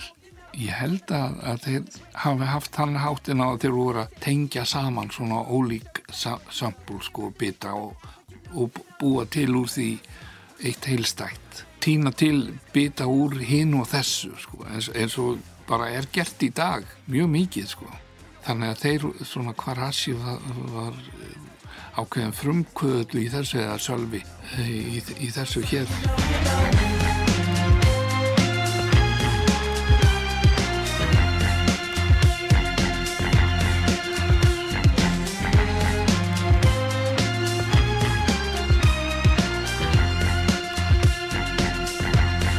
Strengjakablin flotti í miðjuleginu Pro sem Þórir útsetti fyrir fjóruðu plötu Kvarasi, Gorilla Disco, sem kom út í lokás 2004, sama ár og Þórir fagnaði 60 samanli sínu. Leiðir Þóris og Sölva Blöndal lágu svo aftur saman árið 2007 þegar þeir unnu með Ágústu Efu Erlendsdóttur að plötunni Goldmine sem hún sendi frá sér í gerfi fjölmiðlastjórnunar Silvíu Nóttar.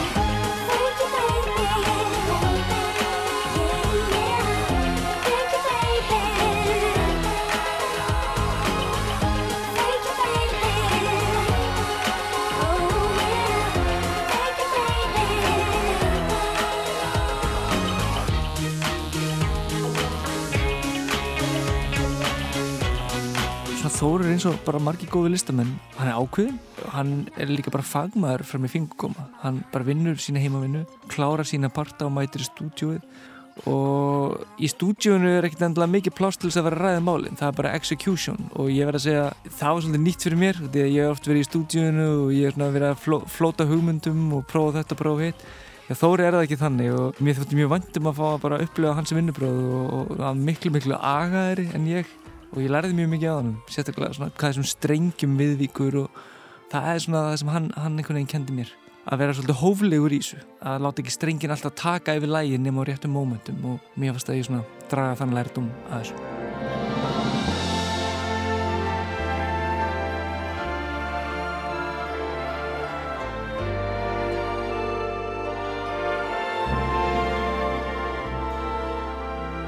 Árið 2006 ágáðu Björgun Haldursson og Sinfoníuljónsett Íslands að snúa bökum saman.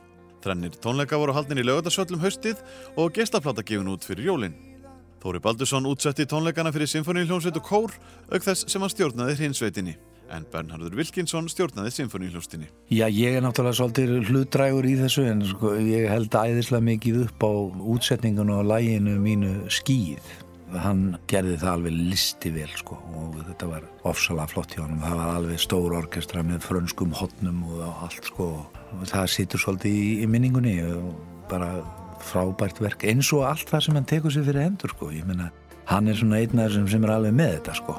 Og mikið respekt í bransanum fyrir Þóri Baldur sinni.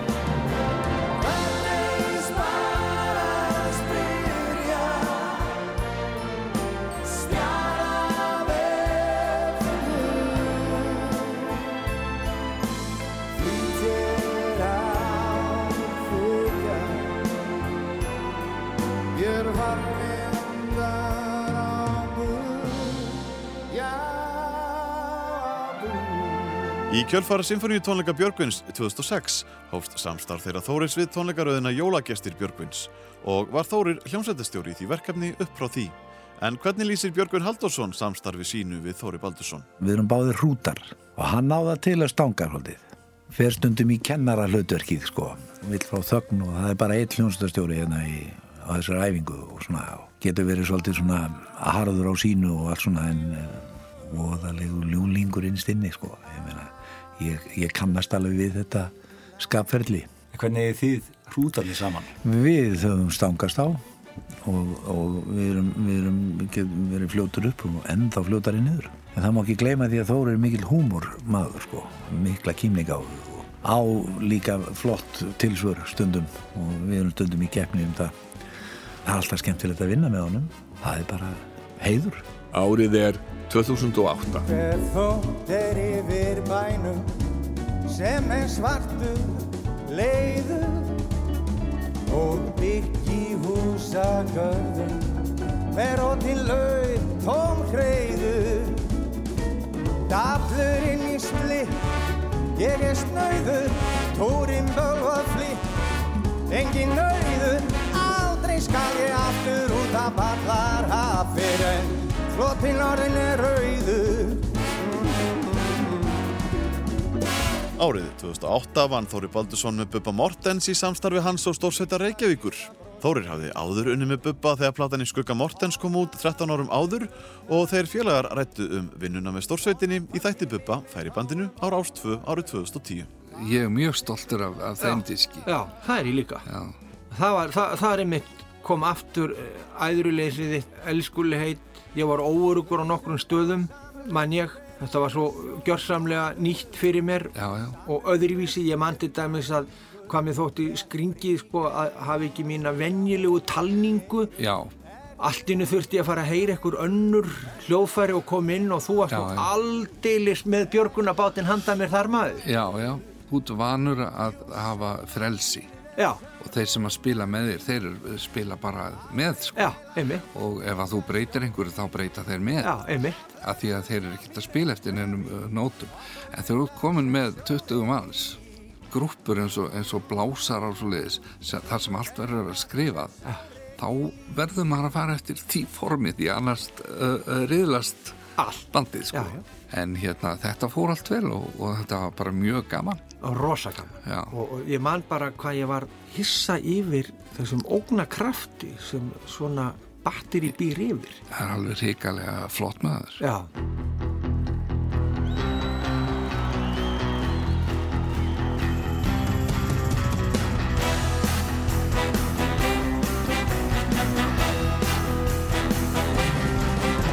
Fjöllin hafa vakað í þúsund ár Ef þú rinnir inn í bergi sérðu glitra tár Orðin kristaltær, drói minnar og nær Ég reynd að kalla ástina sem er kvalan Eis í Maður er nú verið með rock hljómsveitum Já, og já. allt þetta sko. En, en þetta var einhvern veginn svona wow. Já, þetta er svona wow. wow. þrill, sko. Já, þetta var það. Já, já. Og þarna kom líka í ljós, sko, þú stjórnaðir, þú, þú, Já, þú varst með Hammondin og svo bara sátu menn og, og stóðu eins og þú vildir. Já. Hvernig tilfinning er þetta að hafa svona batteri í hendi sér? Það er alveg óbúslega gaman. Þetta er eins og að hafa fullkomnasta orgel í heiminum. Það þú getur fengið allt það sem þú vilt. Árið er 2011. Árið 2011 fekk Þóri Baldursson heiðursfölun Íslensku tónlistavelununa og það var þárendi mentamálar á þeirra, Katrín Jakobsdóttir, sem afhendi velunin. Sumu mönnum þá mætast lífið og tónlistin og það má svo sannlega segja um Þóri Baldursson heiðusvelun að hafa Íslensku tónlistavelununa, náttúrubann á sviði tónlistar sem hefur gætt Íslensk tónlistarlíf, gert það ríkara, marg, mörg undanfærin ár og ára tíu og það er mér auðvitað ekkert nema heiður að fá að afhendunum velunin hér í kvöld og ég byrða hann hér hjartanlega velkomin upp á svið, hjartanlega til hamingju með heiðusvelunin. Síðustu daga þá er búið að hella yfir mig þýlugu lofi að ég veit eiginlega ekki hvort fótinn ég á að stíga. Þetta er allt saman satt.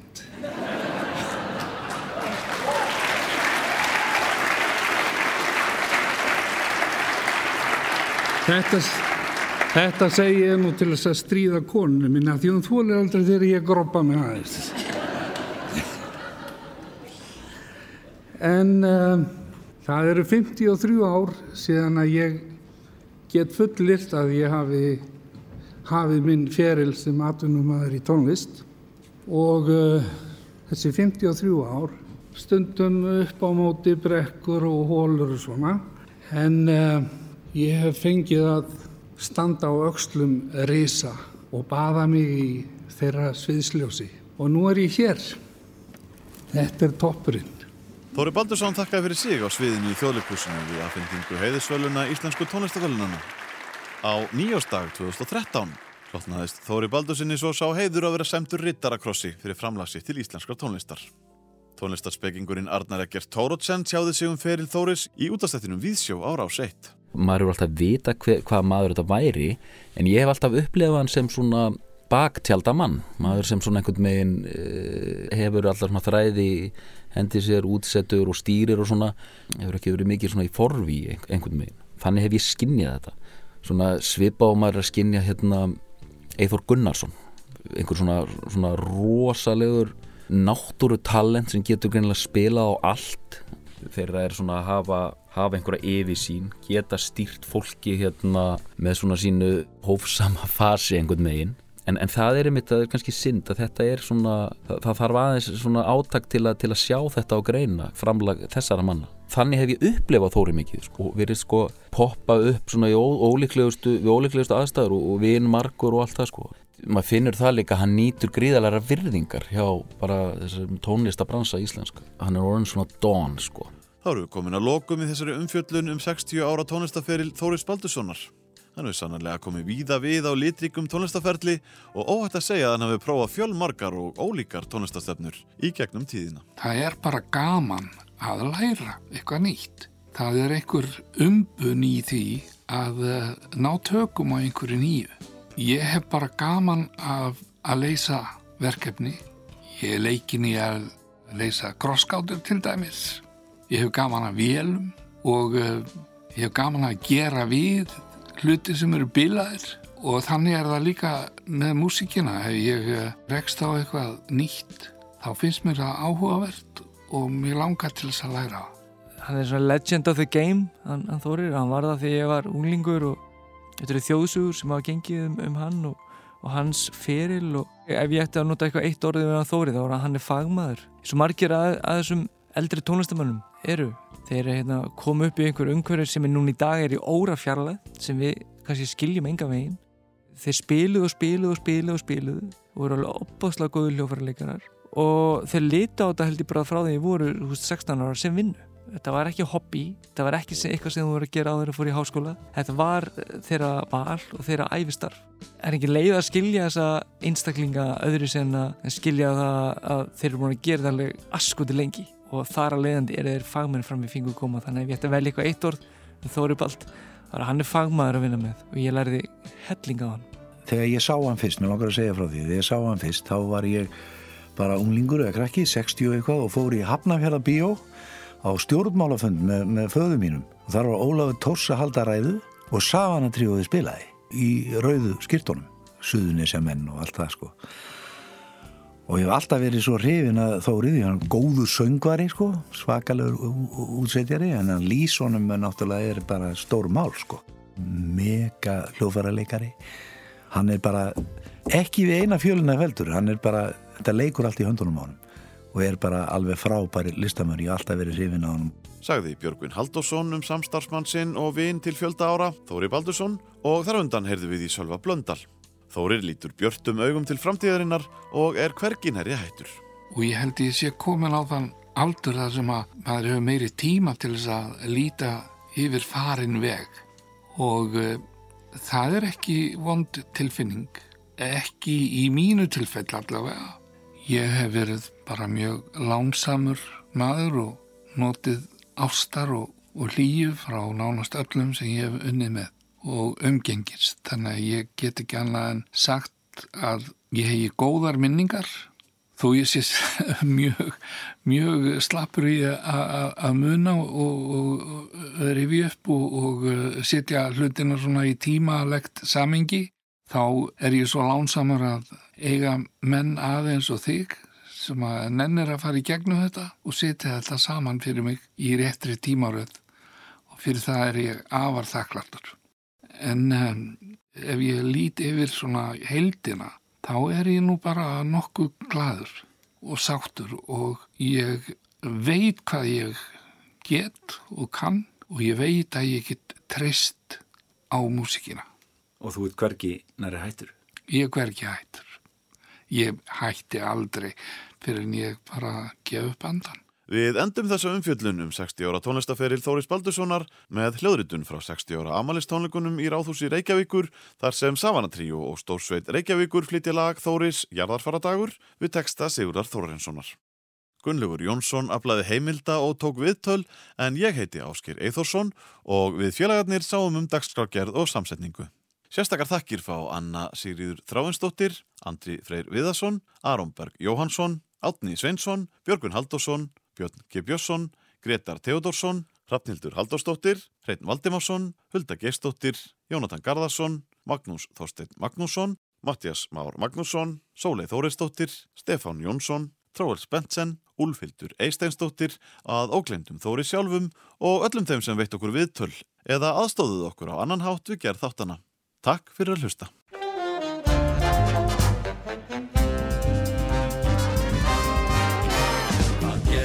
Hér suður með sjó. Að Siggi á vassleysur dó.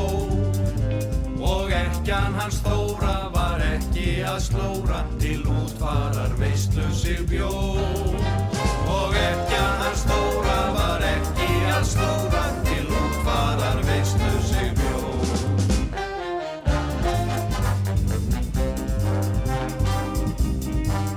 Það var loftdrýf og látauður sjór Er hinn látni í gröfinna fór.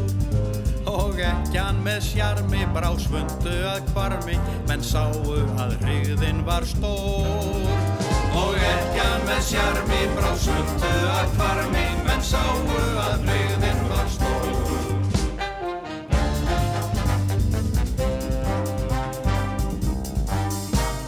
Klerkur sagði, hei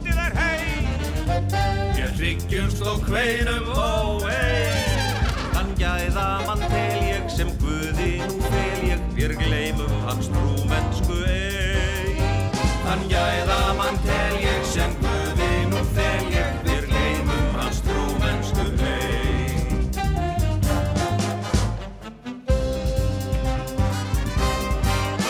Þegar gengin frá garði var drótt Kom granninn og góðan með sanni Þú sirkir nú mannin Má sorginni gleyma í nótt. Þótt góðan með sanni Þú sirkir nú mannin Á sorginni gleyma í nótt.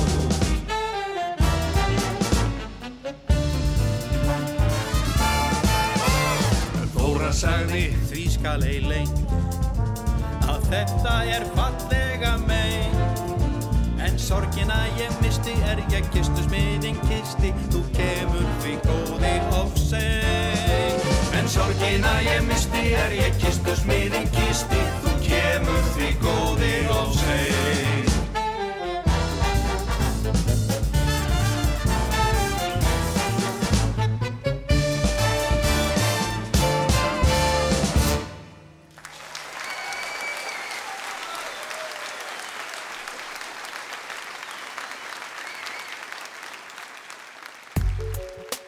Þessi þáttur var hluti af sumargjöfur ásar 2. Þú getur nálgast fleiri þætti úr safnir ásar 2 í spilaranum á rúf.is, í rúf appinu fyrir snjalltæki og öllum helstu hlaðvarpsveitum.